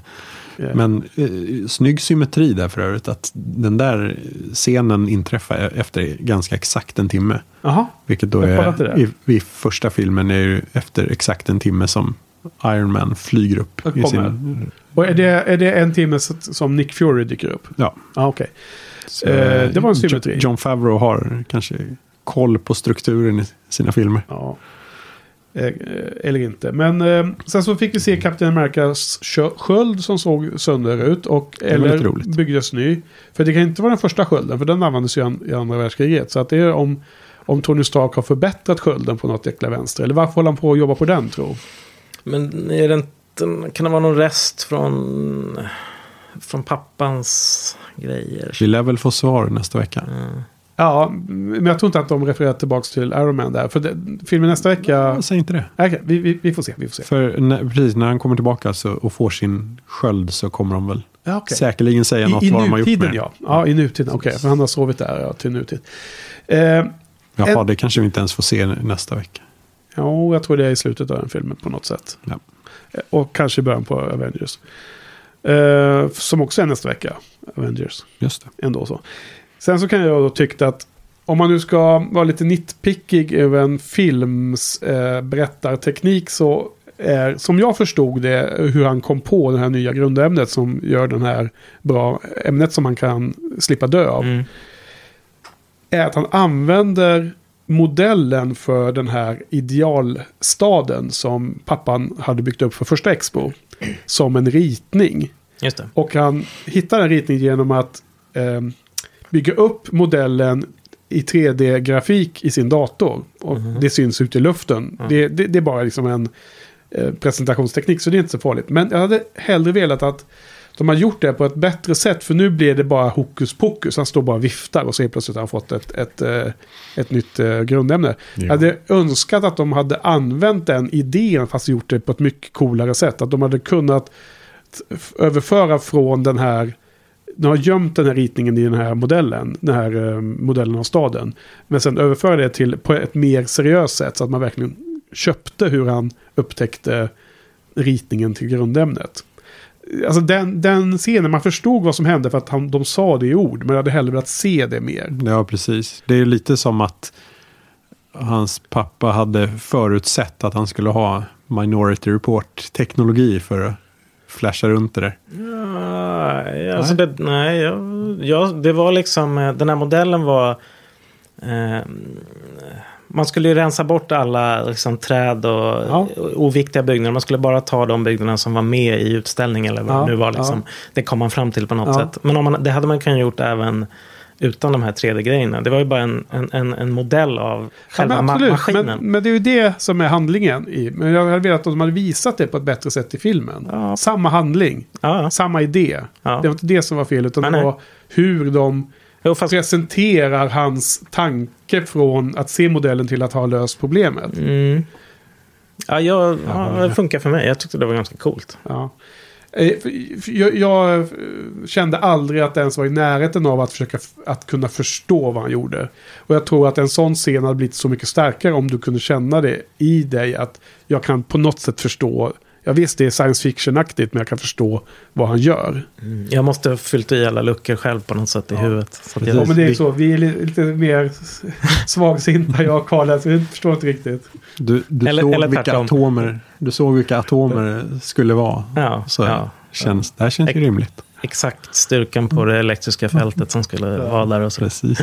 Ja, nej men nu får vi, vi får wra- wrap it up nu. Um, vad, vad- betyg, vad säger du Johan? Två av fem. Två av fem. Ja. Mm. Eh, Jag gillade scenerna med, med pappan som man fick se från eh, gamla Expo där. Eller Ja. hans gamla film om, om staden. Det var kul. Ja. Fick lite mer förståelse för ja. eh, hur, hur, hur pappan var. Han var ju, ja precis. Han var ju, verkade vara ganska odräglig själv också. Ja. Så att knöt ihop lite där. Ja. Jag har ett par saker som jag måste, Ja, ja. måste ta upp.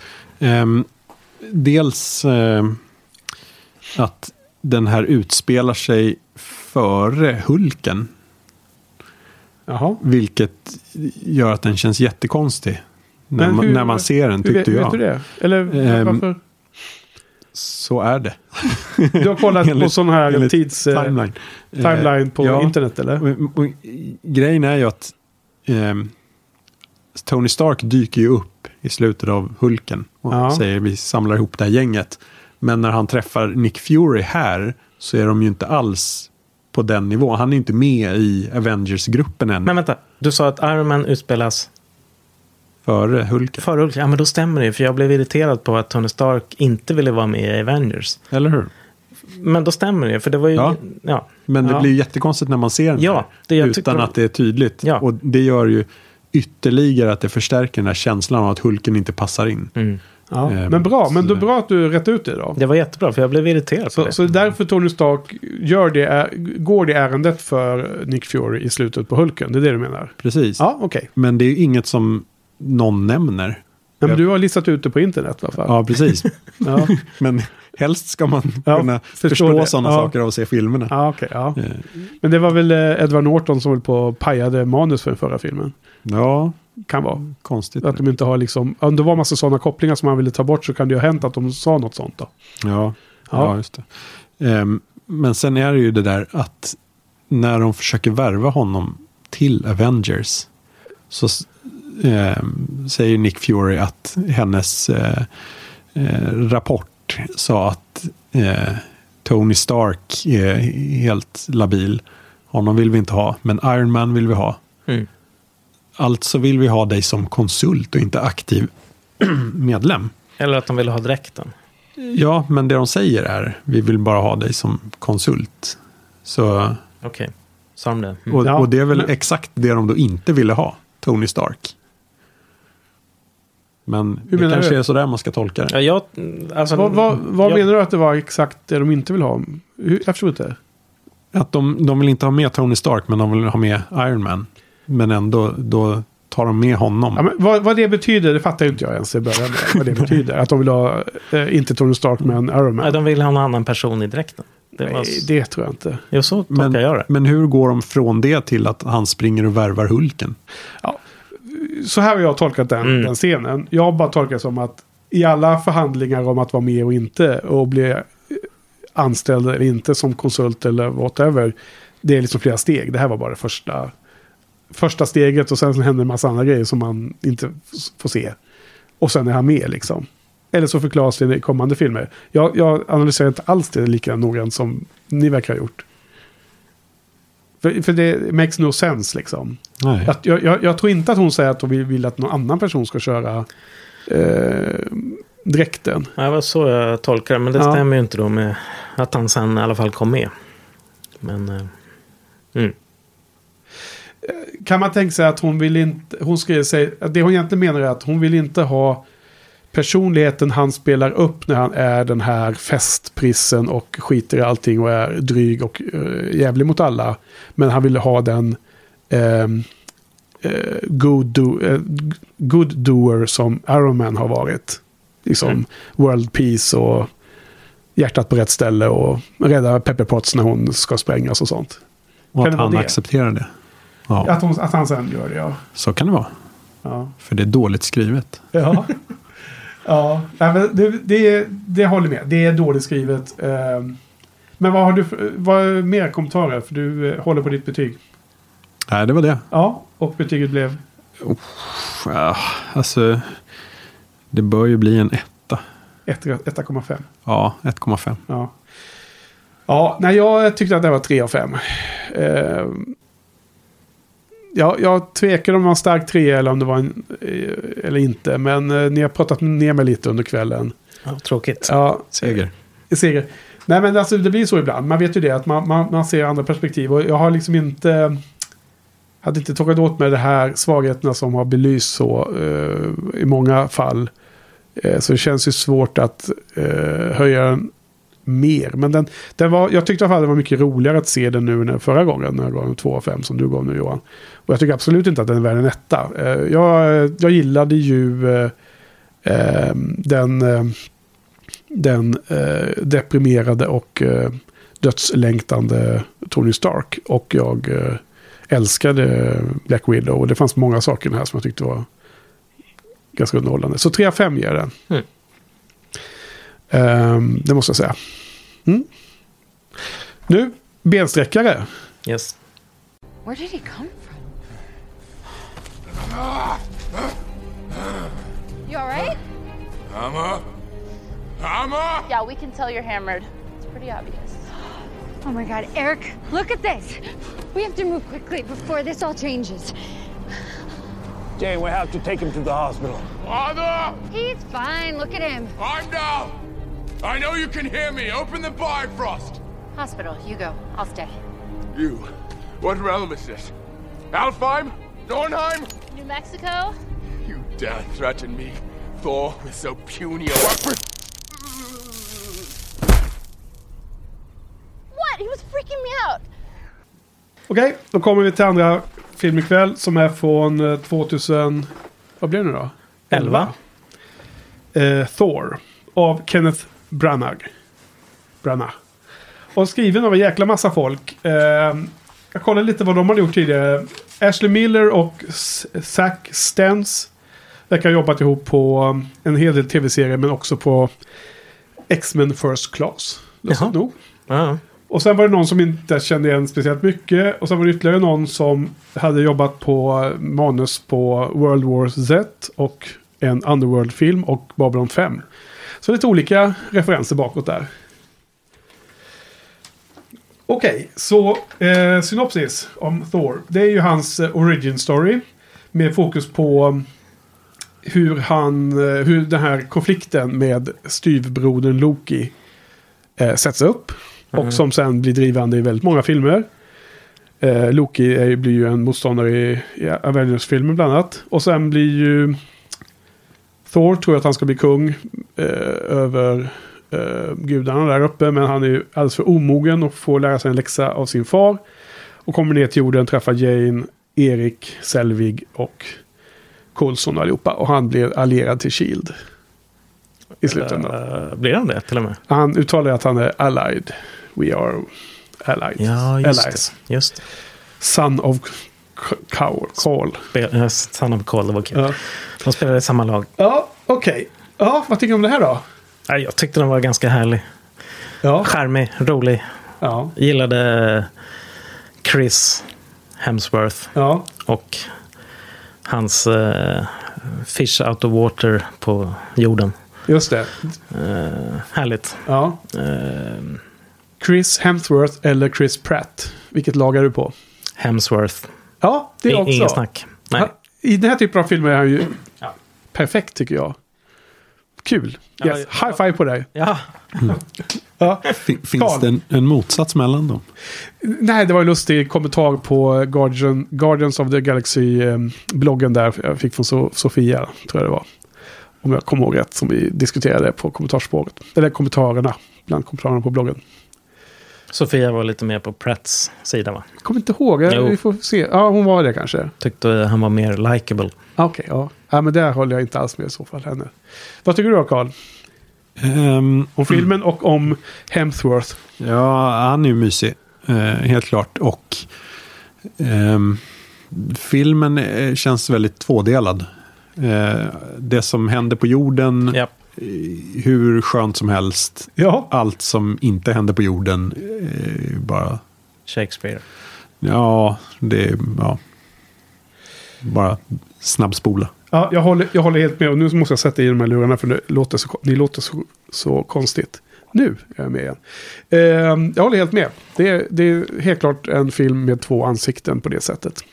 Men då hade du ändå sett på filmen med eh, kommentarstalet av eh, regissören va? Exakt. Och eh, lärt dig en himla massa referenser från Shakespeare och annat som han hade jobbat med där. Ja, han droppade några stycken, men eh, han inledde med att eh, tycka, på något sätt ta avstånd från det här att de tyckte att det var roligt att han skulle regissera för att de såg det som en Shakespeare-historia. Och det verkar han inte hålla med om. Men Nej. sen eh, droppar han lite referenser till höger och vänster. Ja, Macbeth. Kände sig väl tvungen då. Ja, Eller något. Ja. För, han- för, att, för att vara helt ärliga, om, om det finns lyssnare som inte har koll på hans bakgrund så är han kanske mer känd för eh, Shakespeare-filmer och så än bara Ha- Harry Potter. Och så har han spelat eh, Wallander också. Ja, det har han gjort. va? Kurt, Kurt Wallander. Eh, Engelska versionen, BBC. Är det någon tv-serie va? Ja, Inte filmer va? Nej, det är BBCs Ja, ja. tv-serie. Just det. Ja. Ja, var, var det ett bra kommentarspår att lyssna på? Var det, var det kul Ja, eller var det bara så här helt eh, torrt och informationsdump? ganska mycket men ganska tacksamt ändå att han förklarar lite av vad som händer. Så. Var, Alltså, varför handlingen? saker händer. Ja. Ja, ja, men det är alltid roligt. För en del pratar bara teknik. Liksom, och här hade vi kameran i den här vinkeln och, och liksom, du vet, så här, sånt. Men om man pratar om handlingen och manus så tycker jag det oftast är lite intressantare. ja, för det är en del saker som inte kändes helt glasklara när jag såg den först. Okej, har du något, kommer du på något exempel? Ja, lite det där med att han försöker dra upp hammaren och misslyckas. Och att sen senare så kommer hammaren flygande rätt så nu. Jo, men det är ju bara Tycker för var att helt han inte var värdig. Nej, men då var han värdig. Ja, precis. Men, Ja. Jaha, okej. men Nej, men det... var- varför då? Vad Han, blev, han blev värdig när Jo, han dog. när han- offrade sig själv. när han var villig Mm. att offra sig själv och, och säga... Eh, blev, ble- blev ödmjuk så var han värdig helt plötsligt. Mm. Ja, då. Då var han ju död i sig, så det borde ha varit för sent. Men... Var han död? Mm. Han, han kunde ha varit död. Ja, du menar att du trodde att han dog där? Ja. Han När han blev slagen han, han av var ju- eh, The Destroyer. Han dog. Han var ju en dödlig vanlig människa. Även det. Var det uttalat att han dog där? Ja. Jag tolkar det så. Men han, då- han låg och sov. Han, han var sömnig där, ja. Han och jag menar, Oden eh, översåg ju det hela och kunde titta på distans. Så att när det väl hände så, ja, Ja. då fick han Hej. tillbaka. Heimdall stod och tittade på det. Ja, eller, eller precis, ja. Ja. Jag vet inte. Ja, när, precis, när han blir slagen där och eh, Jane kommer fram och är ledsen. Han har liksom sår i ansiktet. Då tänkte jag också, är han död nu? När jag sa, Nej, men han är bara avsvimmad. Mm, det var inte glasklart. Nej, det var inte klart. Så det var bra att man fick det förklarat för sig. Och vad var Och han vad, då? vad, Han sa att han dog. ja, Jaha. just det. Att det var en... eh, Men, men samtidigt så förminskar det lite offret i det. För det var eh, någonting om att han knallar ju fram till den här destroyern i tron att han inte skulle bli nermejad av honom. Eh, ja, men det var, var det verkligen helt säkert då? Tydligen. Och eh, att, att man trodde att Loke hade mm, mjuknat lite och skulle skona honom. Och så boxade han ner istället. Ja, eh, Som sagt, vissa saker behövde man få förklarat för sig. jo, jo, jo, det, det må vara. Men, men just det där med att varför han inte kunde rubba eh, hammaren första gången, det var, kändes som ganska tydligt. Det var lite samma som, eh, jag menar, svärdet i stenen, hela grejen. Ja. Nej, det köpte jag nog eh, rakt Ja. av när jag såg det. Mm. Sen är det ju, kan man ju för sig undra om han, eh, regissören Ke- Kenneth Branagh, eh, hänvisar till diskussion med manusförfattarna. Eller är det hans tolkning av manus som han har förvaltat? Liksom? Eller, han har inte skrivit det själv va? Nej, precis, men eh, han har nog tagit Liksom, ägarskap för det där. Ja, men är han hans, är hans film. version av den, är det kanon? Kan man se på det på så eller? Alltså för att egentligen ska ju filmen stå på egna ben och sen en tolkning om vad någon tänkte och trodde när han gick fram. När Thor går fram till Destroyen, det är hans tolkning av manus eller? Det vet bara Chris Hemsworth. Ja, precis. Det blir väldigt eh, många lager här. Mm, Vad är, vad är, vad är sant i sanningen? Ja, men att han dog, ja, men det var intressant. Och hur förklarar han det då? Vad var liksom själva poängen då att han skulle bli återupplivad på något sätt? Och hur funkar det då? Ja, Ja, men det fanns ingen magiskt. förklaring. Nej. Ja men, ja, men då är det ännu, ännu mer osannolikt att det han, han beskriver är helt säkert kanon. Ja, men ja, han, han offrar sig, visar sig värdig. Gudarna tyckte att det var bra gjort. Nu, Ja. nu kan du få gå och vinna. Ja. Allt det där kan ju också hända om han är eh, avsvimmad och döende liksom. Ja. Och att han blir ju räddad av att, för så som jag tolkar scenen var att han blev min, han, han blev inte dö, Han dog inte av, trots att han var döende på grund av att när han får tillbaks eh, hammaren så får han ju mer styrka. Så blir han ju eh, stark igen. Ja, då blir den en gud igen. Ja, och då, för han var ju mortal och allt det där de pratade om och han hade blivit eh, försvagad. Det var någon rolig sak han sa på engelska där. Och, eh, han, han kommenterade sin egen kropp hade blivit försvagad här i den här, i den här realmen. Ja. Jag kommer inte Ja. ihåg vad han sa riktigt. Nej, jo, jag minns det också. Ja. Han behövde eh, Ja, näring. näring. Ja, just det. Han ville ha mat, ja. Det var han åt eh, det var. Ja. Men, men eh, och drack eh, mjölk eller vad det var. Eh, nej, men det känns mycket mer logiskt att han var döende och sen blev stark av eh, hammaren. Men jag har eh, regissören sagt att det är annorlunda så Ah. är det ju svårt. Jag vet inte om logik är nödvändig i den här historien. Nej, nöden kanske inte, men det känns ju inte som att det skulle vara helt eh, malplacerat heller i och att det fanns någon form av tanke bakom scenen som man har skrivit. Ja, nej, jag, det var liksom helt... eh, han dog och offrade sig alltså sig själv och då fick han tillbaka. Ja. Ja. Jag tror på, på något sätt inte att det är själva döden som Nej. är det viktiga ändå. Nej, utan det är egentligen ju inte. valen han gör. Det, det är risk, ja, liksom, men precis, valen. ja, att han det är gör. hans eh, eh, inre eh, tanke jämfört med när han var arrogant och eh, hetsig och allt vad han Mm. var i början där då. Men, Ja, men ja. hur skiljer sig det egentligen? Alltså han var ju villig att offra sig i början också, eller? Han knallade ut och ville dö i strid. Det har du för sig rätt i. Men ja, alltså då ville han göra det för att han skulle vara lika badass som, som sin far. Han ville liksom eh, besegra deras fiender. Här gör han det för någon annans skull. Det första gången gjorde han för sin egen skull. Att han skulle bli eh, hjälte och så vidare. Så lite mer Tony Stark-grej. Vad menar du då? Alltså att han gör det för eh, äran. Och I- i början. Berömmelsen, ja precis. Ja, som, som Thor är i början ja. Ja. Är väl mer lik som Tony Stark i så fall ja. Okej. eh, i personlighetsmässigt. Ja. Eh, det var en narcissistisk beteende i början av Thor, skulle jag vilja säga, om något. Och sen var det då ett någon form av humanistiskt beteende i, i andra halvan av filmen. Där. Det är nästan synd att han har den utvecklingen. Då. För det roligaste är ju hans eh, underbara arrogans när han kommer till jorden. Ja, Ja.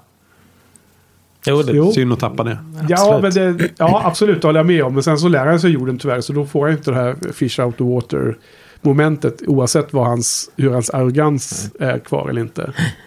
Så, han, så att det tas ju tyvärr bort ändå. Men jag håller helt med om att de bitarna är ju klart bättre. ja, nej, då, eh, jag skrattade högt flera Ja. gånger när jag såg den. Det, ja, det, det är ett tecken på att jag gillar det. Så Ja, brukar ja, det vara. Verkligen, liksom. Du, Eh. du brukar inte sitta och garva liksom, högt i, hemma. Liksom. Nej, det brukar inte hända så ofta, men det gjorde jag här. Ja, men jag håller helt med. Och jag, jag satt med ett stort grin på ansiktet. Ja. Leende hela... Det var ju, det här, den här typen av humor var det som jag kanske hade önskat att det har varit mer av i Guardians volym 2. Mm. Det, kändes... Bara, bara de här första scenerna med hon eh, Darcy som var favoriten i hela den här filmen. Spelas av Kat Dennings. Hon som är eh, the intern där. Mm, just det. Political science. Mm. In, inte physics. För att det var det enda som ansökte där. Ja. Hon är så otroligt rolig tycker jag. Eh, inte? Jo då, hon är Ja. ärlig. Ja, det är så himla skoj. Hon säger, hon säger alla de roliga sakerna och så. Hon spelar i någon tv-serie som heter Two, Two Broke Girls nu för tiden. Den har inte Ja, jag sett. okej.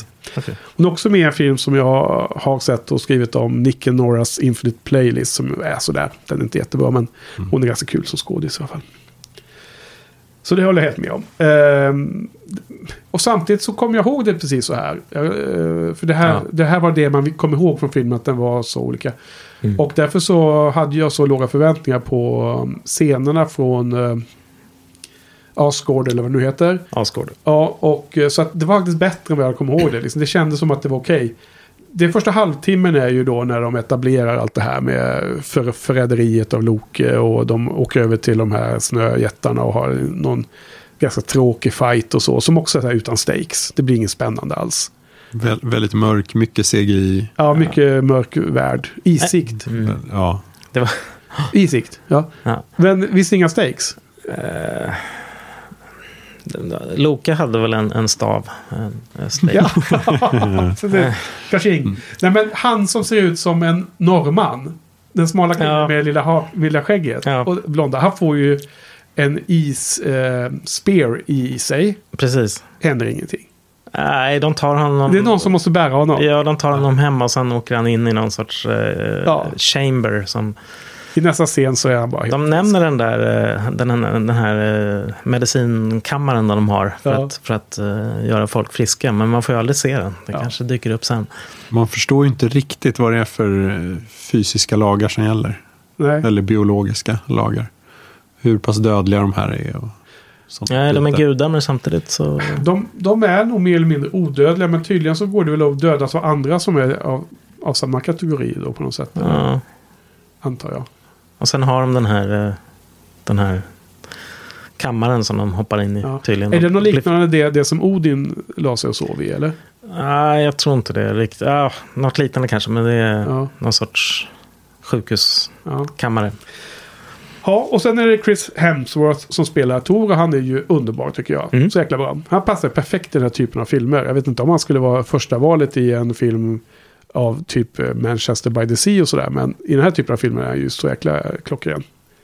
Ja, jag Håller håller ni med. med? Ja, jag håller med. Absolut. Vad har vi sett honom då? Vacation. En av de roligaste filmerna från två år sedan. Ja, just det. Den var, han var rolig. Jätterolig där. Ja, absolut. Då, då är han skön med sin egen persona. Ghostbusters. Ja, det har inte jag sett. Den är nya va? Ja. The Cabin in the Woods. Just det. Den gjorde han ju med Joss och eh, vad heter han som gjorde den? Drew Goddard eller vad Mm. va? Mm. Eh, långt innan han blev känd ju. Den, Ja, precis. Den, Den blev låg ju på på hyllan hyllan, ja. några år. Och sen har ju med Red Dawn också. Har ni sett den här Nej. remaken på Nej. 80-talsfilmen? Där är han ju med. Också en tidig film.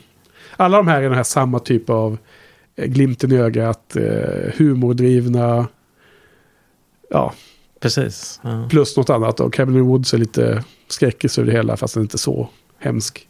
Han är väl med i någon eh, seriös Michael Mann-film också där han spelar någon Ja. hacker. Och den, då är det tydligen inte lika Black bra. Cat. Black, Black Cat. Cat. Han den är ju jättebra där. Den är det? Ja, det Okej. tycker jag. Ja, jag har inte han sett den, så jag vet inte. Ja, det är inget fel på honom, men jag tycker inte filmen är jättebra. Uh, Okej. Tycker du det, Carl? Ja.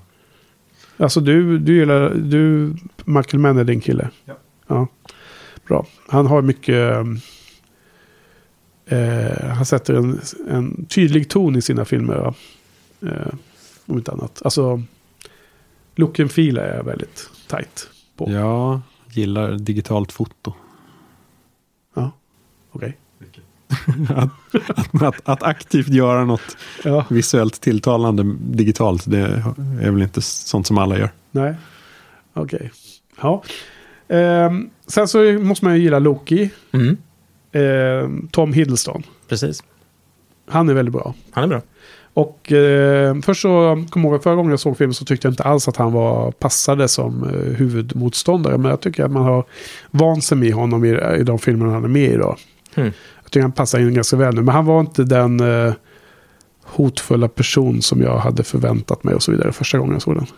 Nej, men han är ju inte det riktigt heller i början. Han, det visar sig att han, ja, han ställer till med lite rackartyg där och eh, Ja. lå- låter några av de här frostjättarna komma dit. Och det var ju egentligen bara ett, en, en sorts prank som Ja, för vis, för, här... för att förstöra uh, Tors stora dag när han ska bli kung. ja, Men eh, ja, eh, ja, men det, det, det så, stämmer så, som han är, säger. han Det- är lite harmlös i början. Men sen så när han får reda på lite olika saker och saker och ting händer så blir han ju då Ja. Mer ond. Så att säga. Precis, han, skulle, han, skulle vara en sån där ond man som i Shakespeare-pjäser som sitter och smider ränker på sidan. Han ska kanske inte vara den där fysiskt hotfulla personen på samma sätt. Så det, det stämmer väl kanske då.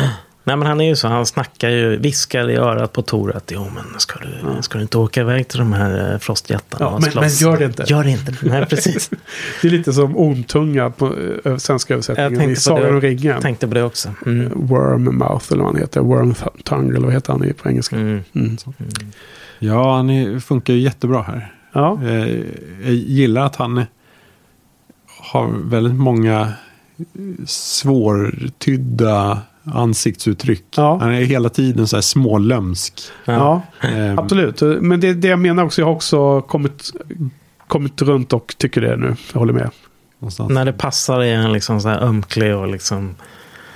Ja. Ja, men att att han, man ska känna- inte, han känns inte sådär lömskt beräknande som till exempel Ormtunga då.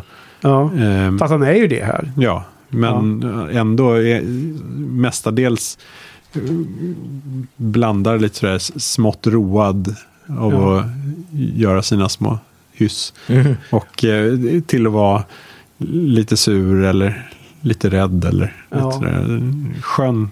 Det, jag håller med. Alltså det, hans, eh, hans roll och hans prestation har vuxit som attan nu. Då, menar. Och det, det, som är så intressant är att hans, vad är hans gameplan? Den är ganska otydlig. Ja. Han, den är all over the place. Han, eh, han bjuder in den där, eh, vad heter han, Jöfi, Laufi, Laufi. Laufi. För att döda, Som var ganska skön för döda Odin. Men sen så är liksom planen att Loki ska döda honom för att han ska få bli hjälte. Precis.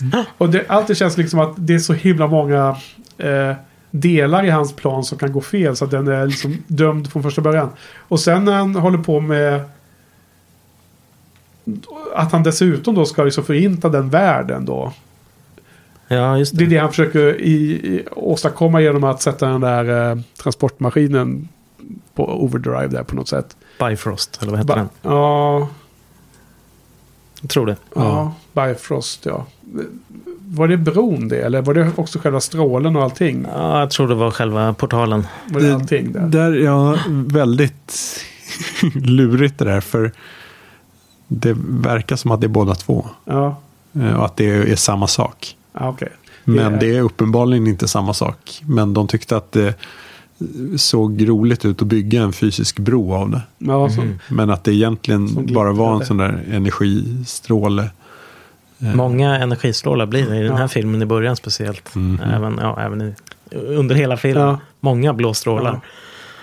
Men vad som komma till var att någonstans mitt i filmen får han ju reda på, eller i, slutet, i mitten av andra halvan av filmen får han ju reda på att han är då eh, adoptiv eller stulen som liten av Laufi. Och han kommer därifrån och han förstår ju det också när han blir, ta, blir nöddad av en, en frostjätte. Ja. Att han blir blå själv och allt det, han tål det. Ja. Och då börjar man ju inse att han helt plötsligt har gjort allting som en pranks och som en slags eh, sån här irriterande yngre bror. Till att bli liksom en egen agenda. Exakt. Och allt det där sker ju liksom lite, lite flytande under hans skådespeleri. Det är ju väldigt intressant. Ja, ja. Ja, ja, ja, eller hur? Jag tyckte det också. Jag hade, just det där att han var stulen från den här frostvärlden hade jag missat helt. Ja, speciellt som de var jätte... Eller missa, och han glömt bort. mycket mindre än... Ja, så jag än- förstår inte riktigt var han kom. eh, Thor, så att det var lite konstigt då. Men han var det minsta lilla barnet som fanns då. Ja. Låg ju där hade blivit övergivet. Ja, jo.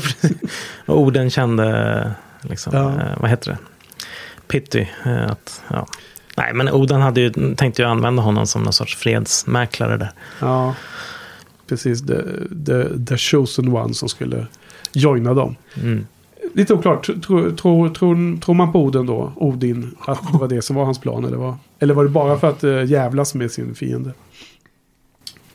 Att vinna ännu mer liksom. Ta hans eh, avkomma. Shakespeareanskt kanske. Ja, jag tror nog han tänkte använda honom som, för att mäkla någon sorts fred. Ja. Om det behövdes. Orden ska väl vara klok. Och inte lida av högmod för mig. Fast jag vet eh, inte. han framställs som, som inte så klok. Och- Han förvisar Tor där för all evighet. Känns lite ja, men det gick ju osolid. rätt, rätt till slut.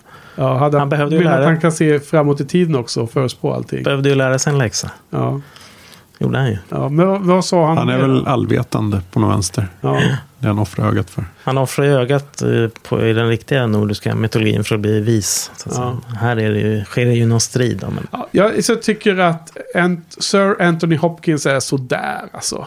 I den här rollen. Gillar ni honom här eller? Kenneth Branagh gillar honom. Ja, det kan jag tänka mig. Fan, de är väl eh, buddies liksom. Sen länge. Ja, han känner, ja precis, det är väl hans stora idol. Ja.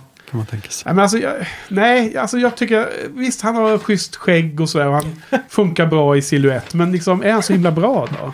jag tycker han är helt okej. Ja. Inte någon superinsats. Eh, Jag vet, jag skrev i min, när jag skrev om filmen första gången för några år sedan. Så, då, skrev jag, då hade jag läst att, att han tydligen spelade sömngångaraktigt. Jaha. Eh, Men det, var- jag vet inte, det var inget jag... Ja, han kanske gick lite på autopilot. Det är som he mailed it in som de säger på engelska. Eller phoned it in. Ja, phoned it in. Ja, men okej. man Ja, kan ja man kan båda. säga båda kanske. Eh, och sen gick han ju och la sig då. Ja. Och, och sov i och för sig. Större delen av filmen. Ja.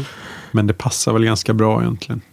Vilket? Att, att det är någon sån bara eh, trygg, småslö prestation. Ja. Någon som inte tar särskilt mycket plats från de mer färgstarka. Ja, alltså precis. Om det hade varit eh, fruktansvärt om det varit någon Jack Nicholson som försöker göra någon ny kopia på sin jo- Joker från Batman 89 eller sånt där liksom. Ja. Eller Liam Neeson eller något sånt. Liam Big Sticker sa han skulle dykt upp där också. Ja, men på tal om det, de här eh, frejdiga kompisarna då, vad, vad tycker ni om dem då? Eh, Sif och eh, de här tre killarna. Så det skulle ju vara som någon sån här eh, Avengers. familj, Avengers, Avengers, liksom. Alla Asgård liksom. Ja. Ja. Nej, jag vet inte. Jag tyckte de var ganska bleka. Det var Ja. jättetråkigt. Det, det fanns en, eh, en, en skådis där som heter eh, Tadanobu Asano som är en japan. Alltså, asiaten ja. Ja, precis. Han är med i en av mina favoritfilmer. Jaha. Universums sista dagar. Eh, Okej. Och... Eh, Svensk film. Nej, Vad heter den då? Universums sista dagar. Översatt Jag till svenska. vet inte vad den heter på Det är japanska. japanska. Ja, Last Days in Universe, eller sånt där heter den på Ja. engelska. Det handlar om en japan som vill ta livet av sig men misslyckas hela tiden. Ehm, ja, det, det, mm, men han var ju... Han hade ju knappt några repliker. Jag vet inte riktigt varför han var med. Mm. Eh, Men lite förvånande kanske. att han var med, ja. Ja, Ja, att det var en japan i, bland asarna. ja, Ja. och Heimdall spelades ju av Idris Elba. Och, Också lite förvånande. ja, Ja. Men Men Ja. är det så konstigt då? alltså det, Det får funka eller? det funkar väl i sammanhanget. Men, Ja. Eller? Det beror på vilket perspektiv man har på det hela. Kanske. Ja, jag tycker att det, det, det känns helt okej. Med, med tanke på att då eh, Stellan Skarsgård hänvisar till att det här är mytologi som han läste om som barn. Ja. Hörde om, så är det ju någon sorts äkta eh, nordisk mytologi. Jo, Och det kanske inte är och då... supermånga ehm, svarta eller japanska. Japaner. Nej, förvisso, men... Eh, ja. Det är inget som stör på förstås, men, men det är förvånande. Ja. Helt okommenterat. Jag har faktiskt inte ens reflekterat över det. Jo, jag Så. tänkte ju på det liksom. Jaha, där är en japan. Och jaha, där är en Ja. svart. Eh, ja, ja, och sen köpte jag det liksom. Men eh, jag tänkte på det. Ja, nej, alltså jag vet inte. Alla ser ju ut som människor, fast de är inte människor, eller? Är de människor? De är asar. Ja, precis. Men de, de ser ut som människor. Och eh, de kan komma lite eh, i olika sorter, tänkte jag bara. Liksom. Ja, jo. Ja, Ja, Så, så tänker De jag behöver också. inte komma från Norge eller Sverige eller så Danmark. Tänkte, så tänkte jag också Island. faktiskt. Eller vad de, Men samtidigt så var det ju, ja, precis. Vissa var ju, såg ut som norrmän eller Ja. med långt rött skägg också. Ja, Ja, han, det en såg ut som en renodlad viking och en såg ut som en modern norrman. det var en härlig blandning. Och eh, hon Siv. Men för övrigt Siv, alltså det... Jag kan nog ha tyckt ungefär som du Johan, att de inte var så jätteframträdande. Eller lysande stjärnor när jag såg filmen första gången. Men hon är ju med i, i tv-serien också. Lite. Siv. I Shi- Shield. Ja. Jo. ja och, och då var det mycket roligare att återbesöka henne nu efter att ha Ja, sett det i, ja. i tv-serien. Ja. Hon dyker upp där, hon är inte med som någon Nej, nej. eh, stående figur. Utan hon, det som finns en crossover. Om jag, om jag får spoila så mycket. Bara att, att Ja, ja. det finns anledning att se den här serien. För det finns, finns ju flera sådana här crossovers. Och då blir det helt plötsligt lite roligare att se henne igen. För hon, har ju, hon är ju frejdig. Ja, Det är ingen Black Widow över det hela. Men hon ska ändå vara lite, lite mer badass än de andra känns det som. Ja, ja. De Ja, hon får ju bäst. inte mycket att göra. Nej, Ja, precis. Hon har någon vass replik i alla fall. Ja, nej, de får ju väldigt lite att göra. De, de ska vara lite roliga. Det är ungefär som i Desperado med Antonio Banderas, hans två kompisar som dyker upp där och har... Eller Robin Hood, hans gäng Ja, ja. muntra män. Som, Little John och dem. Ja. ja, Ja. Lite så. Även om den långhåriga av dem som Ja. satt och glufsa kändes ju plockad rakt från The Hobbit. Ja, lite synd ja. En dvärg. Det skulle Ja. ätas mycket Mm. mat och sådär ja. Mm. Mm. Att det skulle vara roligt. Ja, skulle han vara rolig? Det kanske han skulle då, men han var ju inte det minsta rolig. Det, så, så, sån humor... eh, Det är inget kul alls, tycker jag. Nej. Nej. Uh, nej, första Hobbit-filmen, när Mm. man såg om den. Tyckte att det var så bra första gången, kommer jag ihåg. Tyckte du det? Ja, ja jag tror faktiskt att jag tycker. Ja. Första gången jag såg den så var det ju Å- Återbesöka världen som var det stora. Mm. Ja, jo, Att jo. man liksom tyckte att åh, det ska bli fler eh, filmer som, som tog en tillbaka till den världen. Och sen när jag såg om första Hobbit-filmen eh, för att se den andra Hobbit-filmen på bio. Så var jag bara helt chockad över så jäkla dåligt det var. Ja. Blir det liksom snubbla på och ramla på stjärten och prutta och äta och rapa. Humor hela filmen igenom. Ja, otroligt. Och även Sagan om ringen-filmen är ju så mycket sämre, visar det sig. Det är bara den första som är riktigt bra, Ja, tycker jag jag. tycker nog, jag tycker nog de håller Nej. alla. Ja. Nej, Ja. bara den första. Där ser man. Okej, åter till den här då. Eh, det går ju 29.58 när de återkommer till scenen när Jane kör på Tor. Det börjar i början att han kommer ner. Mm. Det börjar med det och sen får man se tillbaks vad som hänt uppe i Asgård och sen Ja. kommer de ner igen. Ja. Så det har gått en fjärdedel av filmen ungefär, lite mer till och med. Men 29.58, en halvtimme har gått. Sen är det ju ganska mycket på jorden där. Men där visar ju på gott omdöme av eh, Kenneth Branagh Ja. i alla fall. Att, Att eh, vadå? eh, att inleda med den scenen. För Ja. att explicit inte eh, köra en halvtimme ut i rymden. ja, precis. Utan att de börjar på jorden. Ja, men det var hook- jättebra. Hook in där. Precis. Absolut, Och jättebra. att sen studsa ut. Men det var så kul för att du, eh, ja men det håller jag med. Men det var också det jag skulle komma in när jag helt glömde av det. det. Att du hade en spaning på en timmes, vad som händer efter en timme i första Iron Man och i andra Iron Man. För vad som händer efter en timme här, det är att han försöker dra, eh, lyfta sin eh, hammare och misslyckas. Det sker efter exakt en timme. Och, ja, Och sen vänder ju det för honom i den filmen. Då blir han ju ledsen och han är liksom... Han ger upp och de tar honom och så här. Och han blir liksom tagen av Shield-folket. Han, han fightas inte längre. Men, får jag bara återgå Ja. till första Iron Man-filmen? Ja. Vad hände efter en timme där, Carl? Säger du? Han flög iväg med sin rödgula dräkt för första gången. Okej. Okej. Det var något efter en halvtimme den va? Och sen var det något efter en timme. Efter en halvtimme så flög han ut med den första dräkten. Ja, den Grottan. hemmagjorda dräkten. Mm. För det var... Ja, just det. Och sen var det Iron Man 2, var det Nick Fury? Nej? Ja, Just precis. Efter Ja. en timme. Och då vänder ju den filmen också lite då va? Då får han ju ett hopp igen. Ja. Ett hopp att kunna upptäcka det nya ämnet som gör att han kan leva. Det finns eh, någon teori från David Bordwell tror jag. Om, eh, eller nej, det är inte han, det är hans sidekick. Eller fru kanske. Ehm, Vem är det? ah, film, Vetare? ja. Ja. Ehm, om att den, den normala strukturen på filmer nu för tiden är fyra akter. Istället för tre? Precis. Ja. Och att det då är, Därför han blev längre då. ja, det kan ju vara så. Och att det är ganska exakt sådär, en halvtimmes sjok. Ja. Så det funkar ju på de här ganska exakt synd. på Det minuten. Synd, synd i så fall om det är så exakt.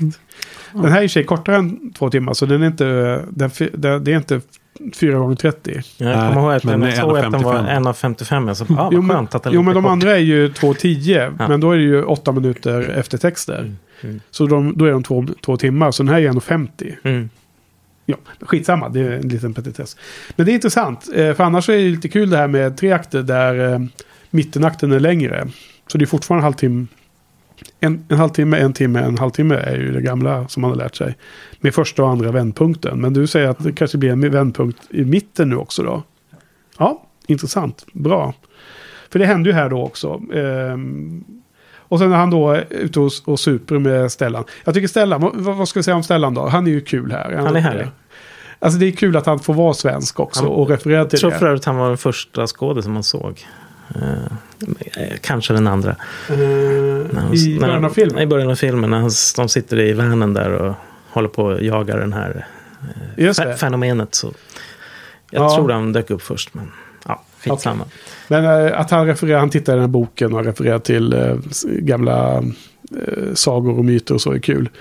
Eh, sen finns det ju en eh, otrolig scen som jag kommer ihåg från första gången jag såg den. För jag såg den här 2012 tydligen. när Jag skrev om den, gav den 3 av 5 då på min blogg. Eh, ja, men det är när de, när de har partajat och eh, Thor har ju supit honom under bordet. Ja. Och, och så när han bär in honom i eh, Janes eh, lilla eh, husvagn, husbil, hus, eller vad det är.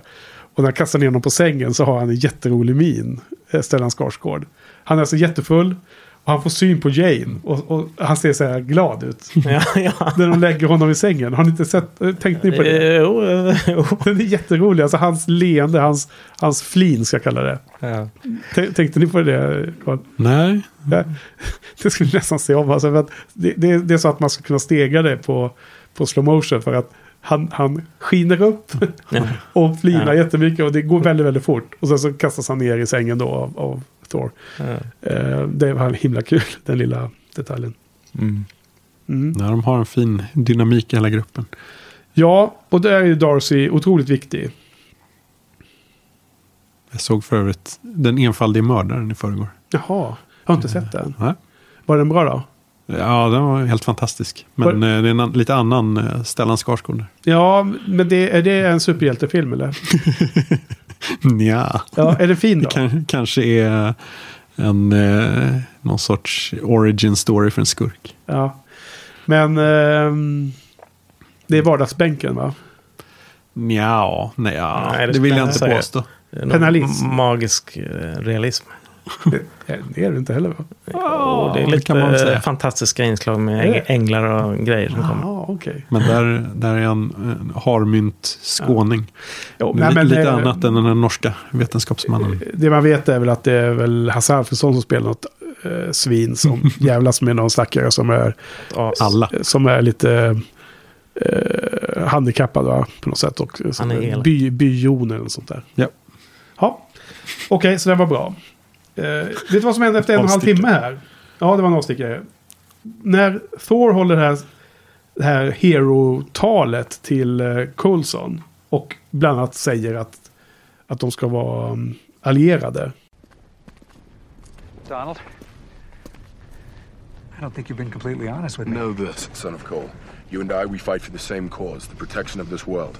From this day forward, you can count me as your ally. If you return the items you have taken from Jane. Stolen. Borrowed. Of course, you can have your equipment back. You're going to need it to continue your research. Would you like to see the bridge we spoke of? Uh, sure. Wait, I need to debrief you! Det sker efter en och en halv timme. Jaha, där ser man. Och det är då han åker tillbaks. Och så avslutas filmen med Asgård igen. Och det är då den här fighten på den här eh, brygg, vad heter det, stora bron och allt det där, den glittrande bron och allt. Det är ett ganska dåligt slut va. Det var med mycket bättre det som var nere på jorden. Ja, Jag, jag, av någon anledning så tyckte jag det var helt okej. Jag vet inte. Eh, Ja. Jag, jag tyckte både fighten nere på jorden med mm, The Destroyer Ja, den var ganska var, bra. var schysst. Liksom. Han påminde ju om den här... eh, The Day the Earth Stood Still. Den här roboten som dyker upp där. Ja, inte sett. Inte sett. Tänkte du på det Karl? nej, men... eh, Klato Barado Nikto. Precis, det är, Har du är på Johan? Ja, väldigt eh, bra ja. spaning. Nej, men eh, precis. Eh, och hela den fighten eh, på, som ägde rum på Main Street var helt okej. Och även, jag vet inte, jag tyckte det funkade med... Det var ju liksom bara Tor och, och, Loke som slogs där va? Ja, Eh, Så det blev lite liksom den här mindre skalan ja. på något sätt. Eh, Även om det var i, i Asgård med all sin kitschighet. Ja, det är kitsch och det är guld och det är överdådiga Ja, eh, miljöer. ja. Eh, som gör att det tas bort lite verklighet. Det går liksom... Nej, precis. Men jag, ja, jag, ty, jag gillar den där kitschigheten. Jag tyckte Ja. den var ganska härlig. Det är lustigt. eh, Kenneth Branagh var så nöjd över att de hade byggt fysiska sets Jaha.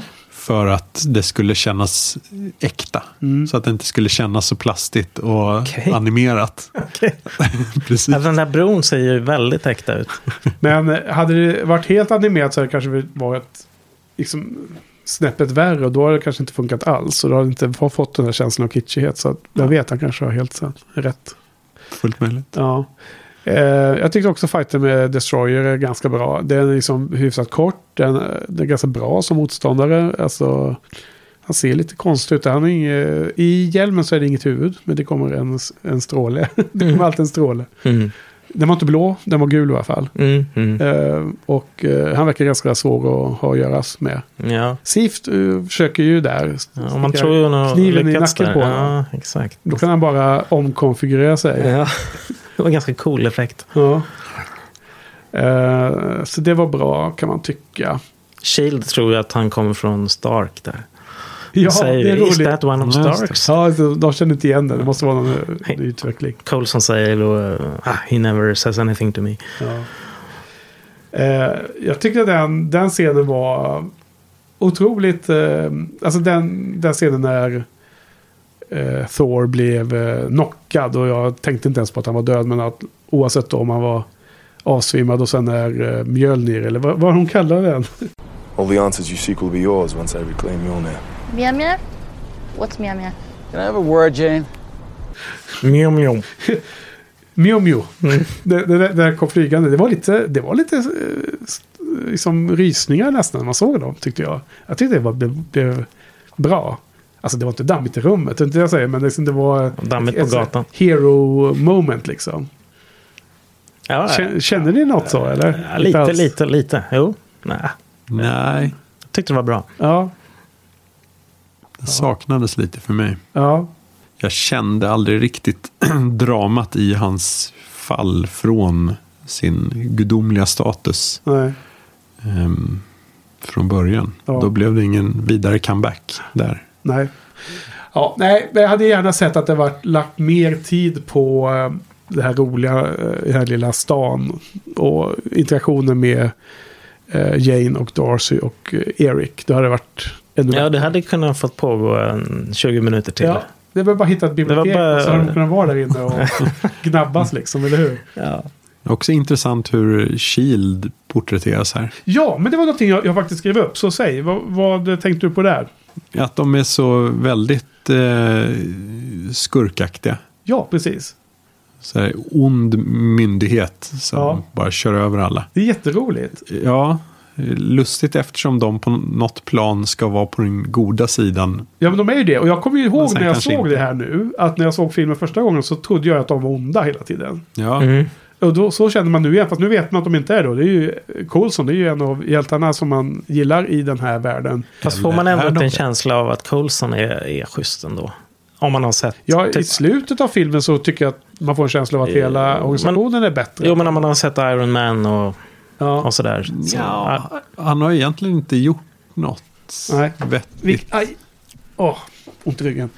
Eh, vi kanske bara blandar ihop Johan med det vi vet från fram kan vara så. kommande filmer. Mm. Han är ju riktigt kall och hård här. Ja, men det är bra. Ja, fast Ja, det är det för kan allas bästa. Ja. Eh, sen så tänkte ni förstås på att vi såg Hawkeye för Ja. första gången. Snygg Ja. introduktion. Det var snyggt. Mycket bra. Och det står ingenstans på eftertexterna eh, hans namn överhuvudtaget. Jeremy Renner. Ja. Ja, alltså inte heller skådespelarens Nej, namn. Nej. Eh, Så att han är helt inkognito i den här filmen. Ja. Ja, vad bra. Och han tilltalas ju med sitt eh, civila namn, vad han nu heter, Hawkeye, i, i, som karaktär. Ja, precis. Karaktärens civila namn tilltalas ju av eh, son, son of Cole. eh, ja. Så då är det bara för de som redan har förhandskunskaper. Det är också just introduktionen att de bara visar någon så här vapenställ Ja. där de ska hämta upp sina vapen och så är det någon som väljer en pilbåge Ja. helt Ja. omotiverat. Visste man ju direkt. Ja.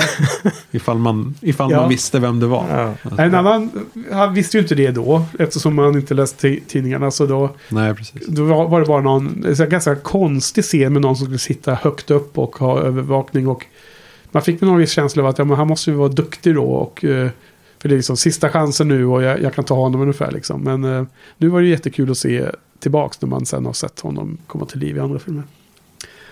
Ja, Eh, sen i slutet där, tänkte ni på den här scenen när eh, Thor är ju så himla lustig hela tiden. Han kysser dem på handen och bjuder dem farewell och sådana saker. Och kastar mugg i golvet när han tycker om drycken och så. Det är så himla kul den där scenen. ja, det är jättekul. De kan inte förstå överhuvudtaget. Men jag sa ju att det var gott, säger han. Liksom. Det är uppenbarligen, så jag kastar ut glaset. Men eh, sen i slutet när de ska säga hej då till, till Jane så eh, blir det som att det ser ut som att han ska kyssa henne men så tar han hennes hand och Just det. kysser på henne, handen. Och jag bara yes, vad skönt att det inte blev en kyss här. För att tre sekunder senare så kysser hon honom. Ja, ja, ja, just det. Men, ja, det var, det var, var så trist liksom. Det hade varit härligt att de hade fortsatt att ha den, den lilla distansen kvar. Eller hur tyckte du Johan? Ja, det, ja, Sa- Satt och jublade när Jane tog mod till sig och initierade den avskedskyssen. ja, ja det, det spelar... Ja, jag vet inte. Jag tyckte varken eller. Nej. Eh, alltså... Hur, lä- hur lång tid har de spenderat? En dag eller? Ja, det var kanske lite mer, men eh, två dygn kanske? Ja. Nej, Men såg en avskedskyss. natt såg vi i alla fall då när de söp ner sig. Ja. Det var nog en natt innan också. För det var en natt när de höll på och skulle ta den där hammaren. När de, eh, hon låg utanför och spanade Mm. mot eh, Shields eh, sajt där. Så att eh, två eller tre nätter kanske har gått. Mm. Det var för kort. Vad tycker du? Ja, det är inte någon superrelation de bygger där. Nej. Så det är om det är hans sexpack som lockar. Ja, det var så himla kul när, de, när Darcy såg honom by, byta om. Ja, och. Men ehm, simpel humor, men ändå eff- effektfull.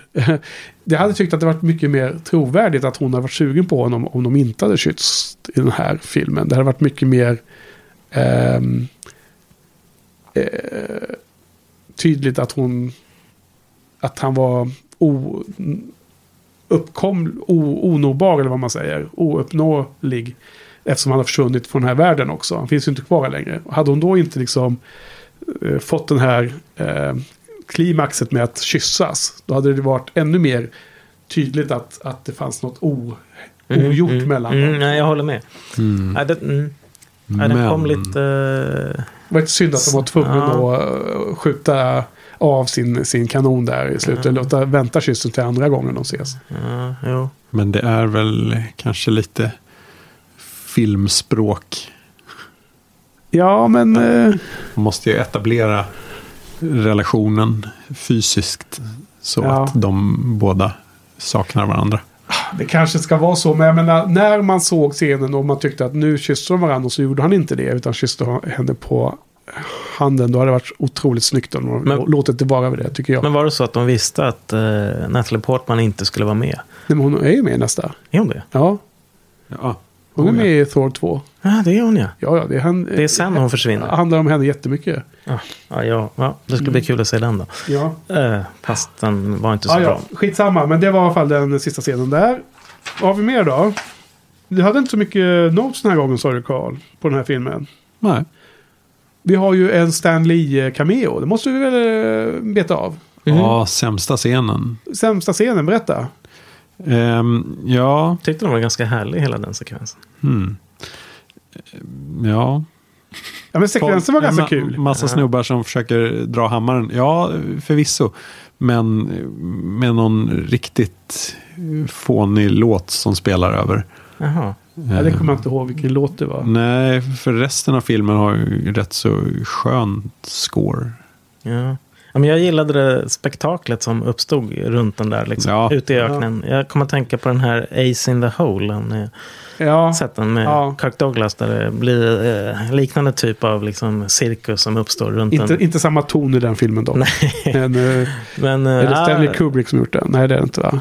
Nej, det är väl Billy Wilder. tror Ja, det kan Mm. just det. Jag såg ju den på decennier. jag. Ja. ja, det är också ute i öknen och Ja. det är någon snubbe som är fast i en grotta. Och det, blir, Ja, världens... det uppstår en, som en liten by runt där. där med, Få- det här folk stod och grillade och sånt. ja, men det var lite en- samma. Det var som en sån party innan Party, en match liksom. Ja. Jag undrar om det var en referens. Jag tror nästan det. Ja, det är också ett beteende som sker överallt liksom. Ja. Så innan varenda NFL-match så står de och grillar utanför liksom.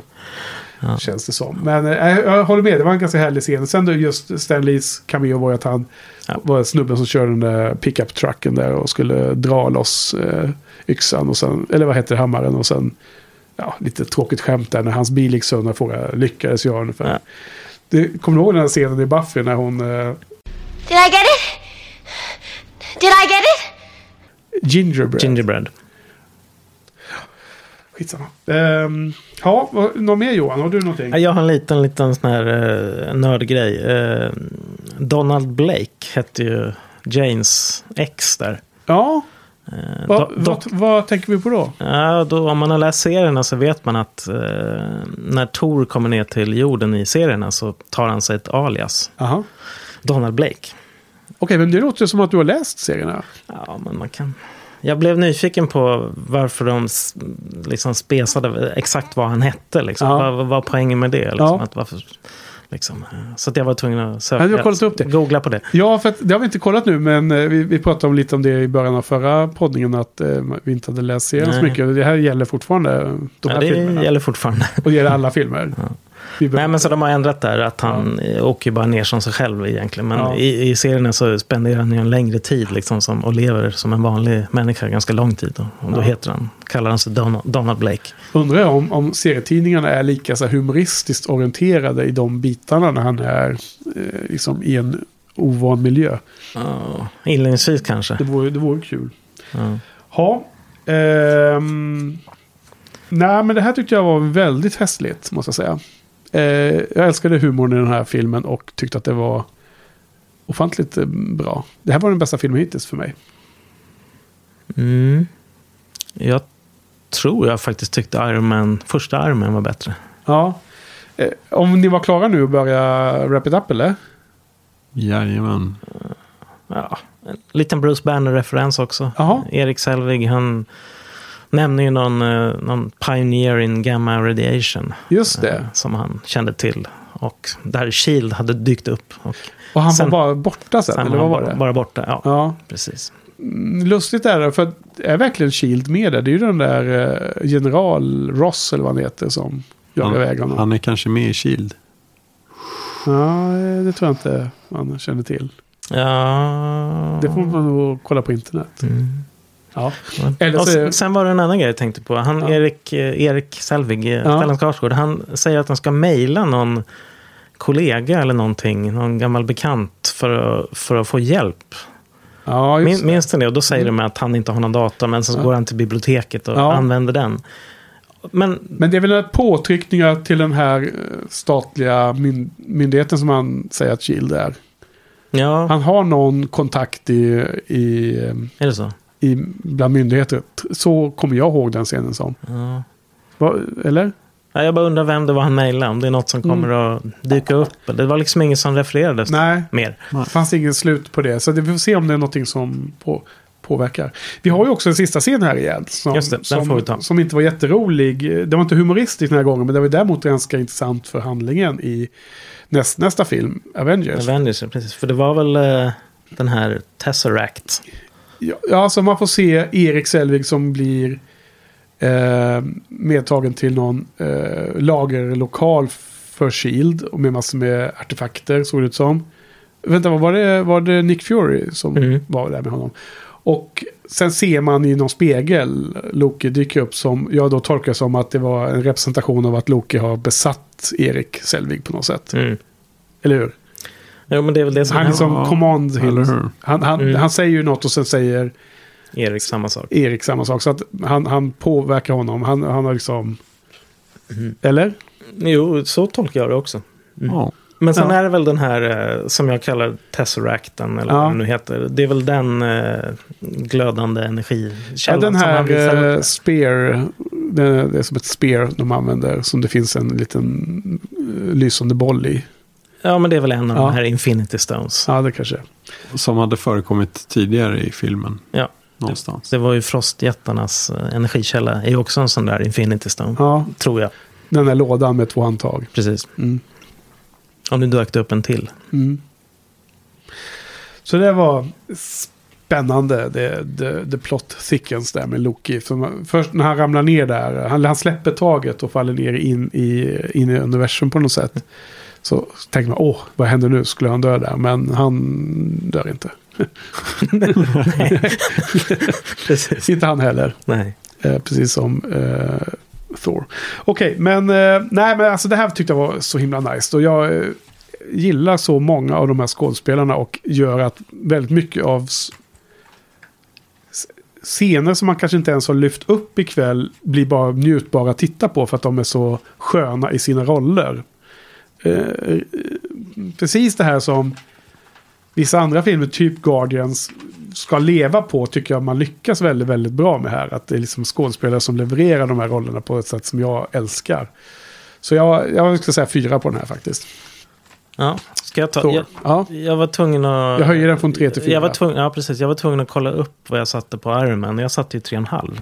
Ja, förra veckan ja. Ja, precis. Ja, men det kommer jag ihåg också. Eh, Ja, nu, Tor då, förra gången så satte jag en trea Ja, på, på Thor. Men eh, jag känner ju nu, jag måste höja den till, till samma betyg som Iron Man. Så det blir Tre och en halv. 3,5. blir det. okej. Jag får en, gå in och ändra i... eh, Jag har ju satt betyg på, du vet, på Letterboxd och sådär. Jag måste ändra nu till 3,5. Betyg kan alltid ändras. Ja, Det- jo, men det- Omtittar, det är Eller snack. absolut så. Ja, eller snack, ja. Vad tycker du då, Karl? Vad hamnar den hos dig? Ja, alltså instinktivt så känns det som en trea. Men bitarna på uppe i rymden är ganska tråkiga. Svaga, ja. ja. så egentligen är det nog två och en halva kanske. Okej, du, du väljer. Men Den är, inte, den, är det? ju inte, den är inte bättre än Hulken. Eller?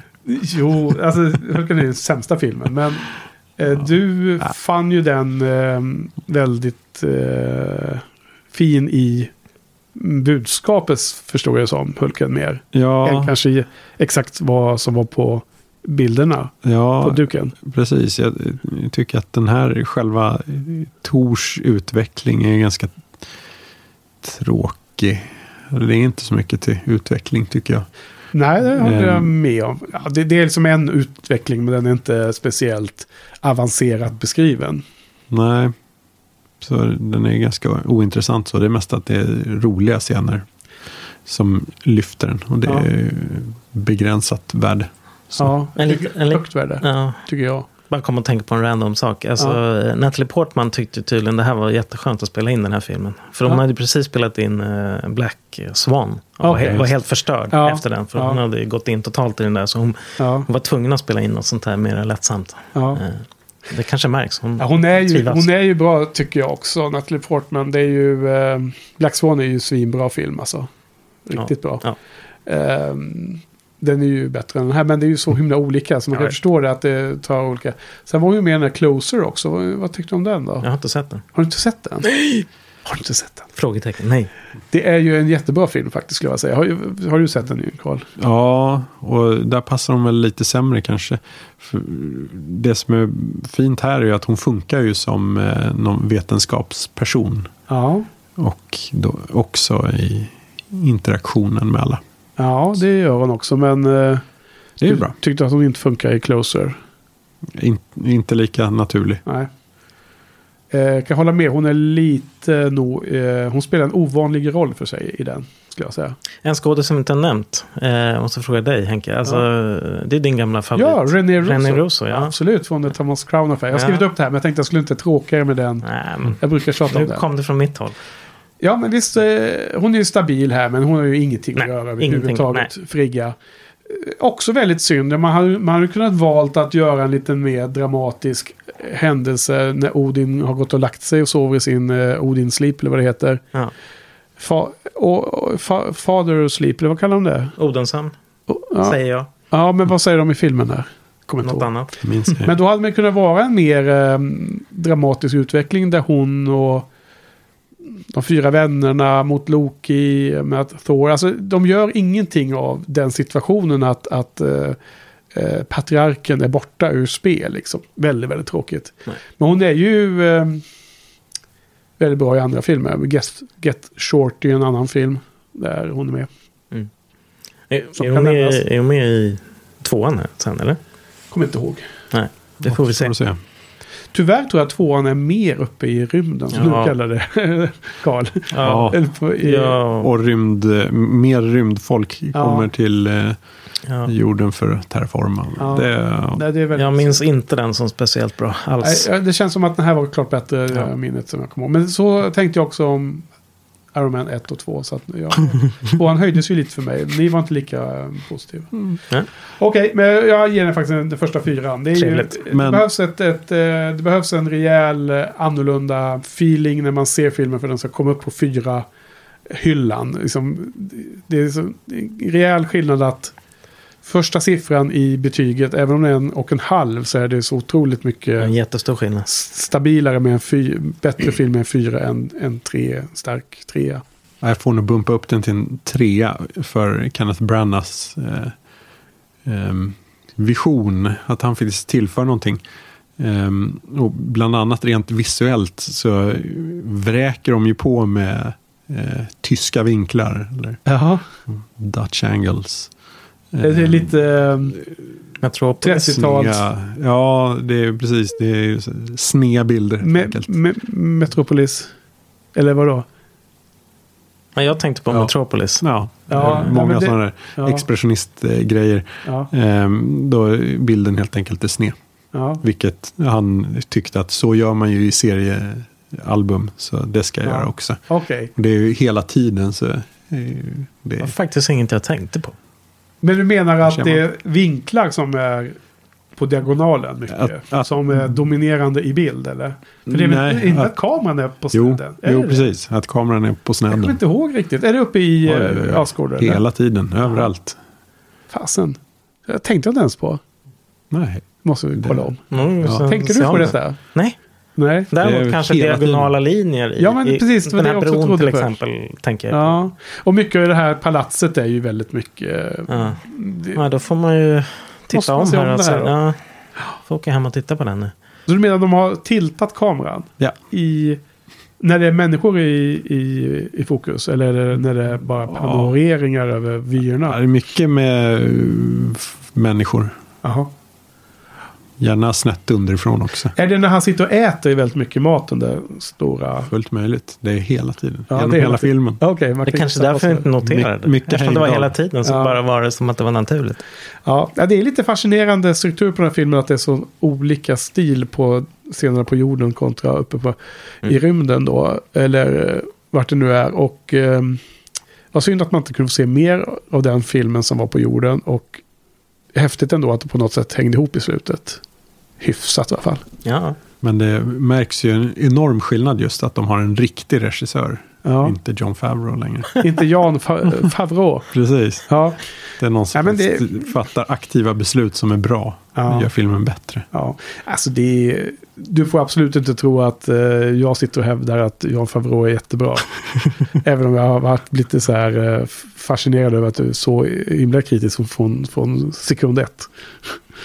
Ehm, ja, nej, det får jag får backa på uh, Favreau-älskandet här om det har framkommit som så. Eller vad säger du Johan? Vi håller med Karl här tror jag, båda egentligen. Favreau är ju ingen eh, superregissör. Det Nej. är han inte. Det kan man Hur, konstatera. hur fick han ihop eh, Chef att bli så bra jag då? vet inte. Skalet var med, eller? Ja, eller? Jo, Ja, hon var med. Jo, hon jobbar på hans restaurang. Nej, hon Ja. hade väl ingen... Nej. Eh, det var feel, Ja, good, lite. feel good helt enkelt. Precis, hon var ju med bara för att han hade lärt känna henne här från, från de här filmerna såklart. Ja, men Chef, den, den ska du se, faktiskt ta chansen att se. Får du återkomma och se Den om... har jag sett. Ja, men vad tycker du om den då? Är den inte bra? Nja, Nej, det är inte den heller. jag är inte såld. Oh, Blev du inte ens hungrig? Nej, inte ens det. Nej. Ostmackor. Ja, ja, jag tyckte den var trevlig. Men vi såg den också på filmfestivalen i Malmö. Så det är klart det var en tre, trevlig miljö och kan vara en bra visning som gör att man Det gjorde blir jag också. mottaglig. Vad var du med då? Ja. Ingenting funkar. Ja. Ja. Och då, då när vi gick till minglet den, den kvällen, kommer du ihåg det Johan? Det var sista filmen vi såg. i- Det var ju så himla trevligt Ja, allting. vad härligt det var. Du såg den inte med oss, för jag tror jag och Johan gick själv då. Mm, så kan det vara. Ja, så det var där det, det, var där det blev olika. Okej, vad bra. Men eh, nu har vi eh, hållit på länge. Eh, nu ska vi börja avsluta här. Eh, ska vi se här nu då, få igång den här maskinen. Vad bra, hörni killar. Då har vi eh, jobbat oss fram till sommaren 2011. Så att nästa vecka så ska vi avsluta fas 1 med de femte och sjätte filmerna av fas 1. Eller hur? Mhm. Och då är det först Captain America The First Avenger som också kom sommaren 2011. Lite senare på sommaren där, i juli. Och sen är det då Marvels The Avengers. Eh, som kom i maj 2012. Och eh, det ska bli jättespännande att prata om dem då. Vi får se hur, hur lång tid sittningen blir då. då. Eh, sen i fas 2 framåt så är det, kommer det i princip två filmer per år här nu ett tag. Så då kommer det vara väldigt så här ihopklumpade. Det kommer passa in i, våran, eh, i vårat schema också. Så att det, vi kommer köra två filmer. De, de två filmer vi ska prata om de veckorna kommer vara från samma år hela tiden. Så det blir en liten detalj. Ha. Och så vill jag också tacka Niklas Lundqvist för vignettmusiken. Tack, tack! Men då får vi väl eh, försöka på en avslutning då. Säga tack Carl. Tack Johan. Tack Carl.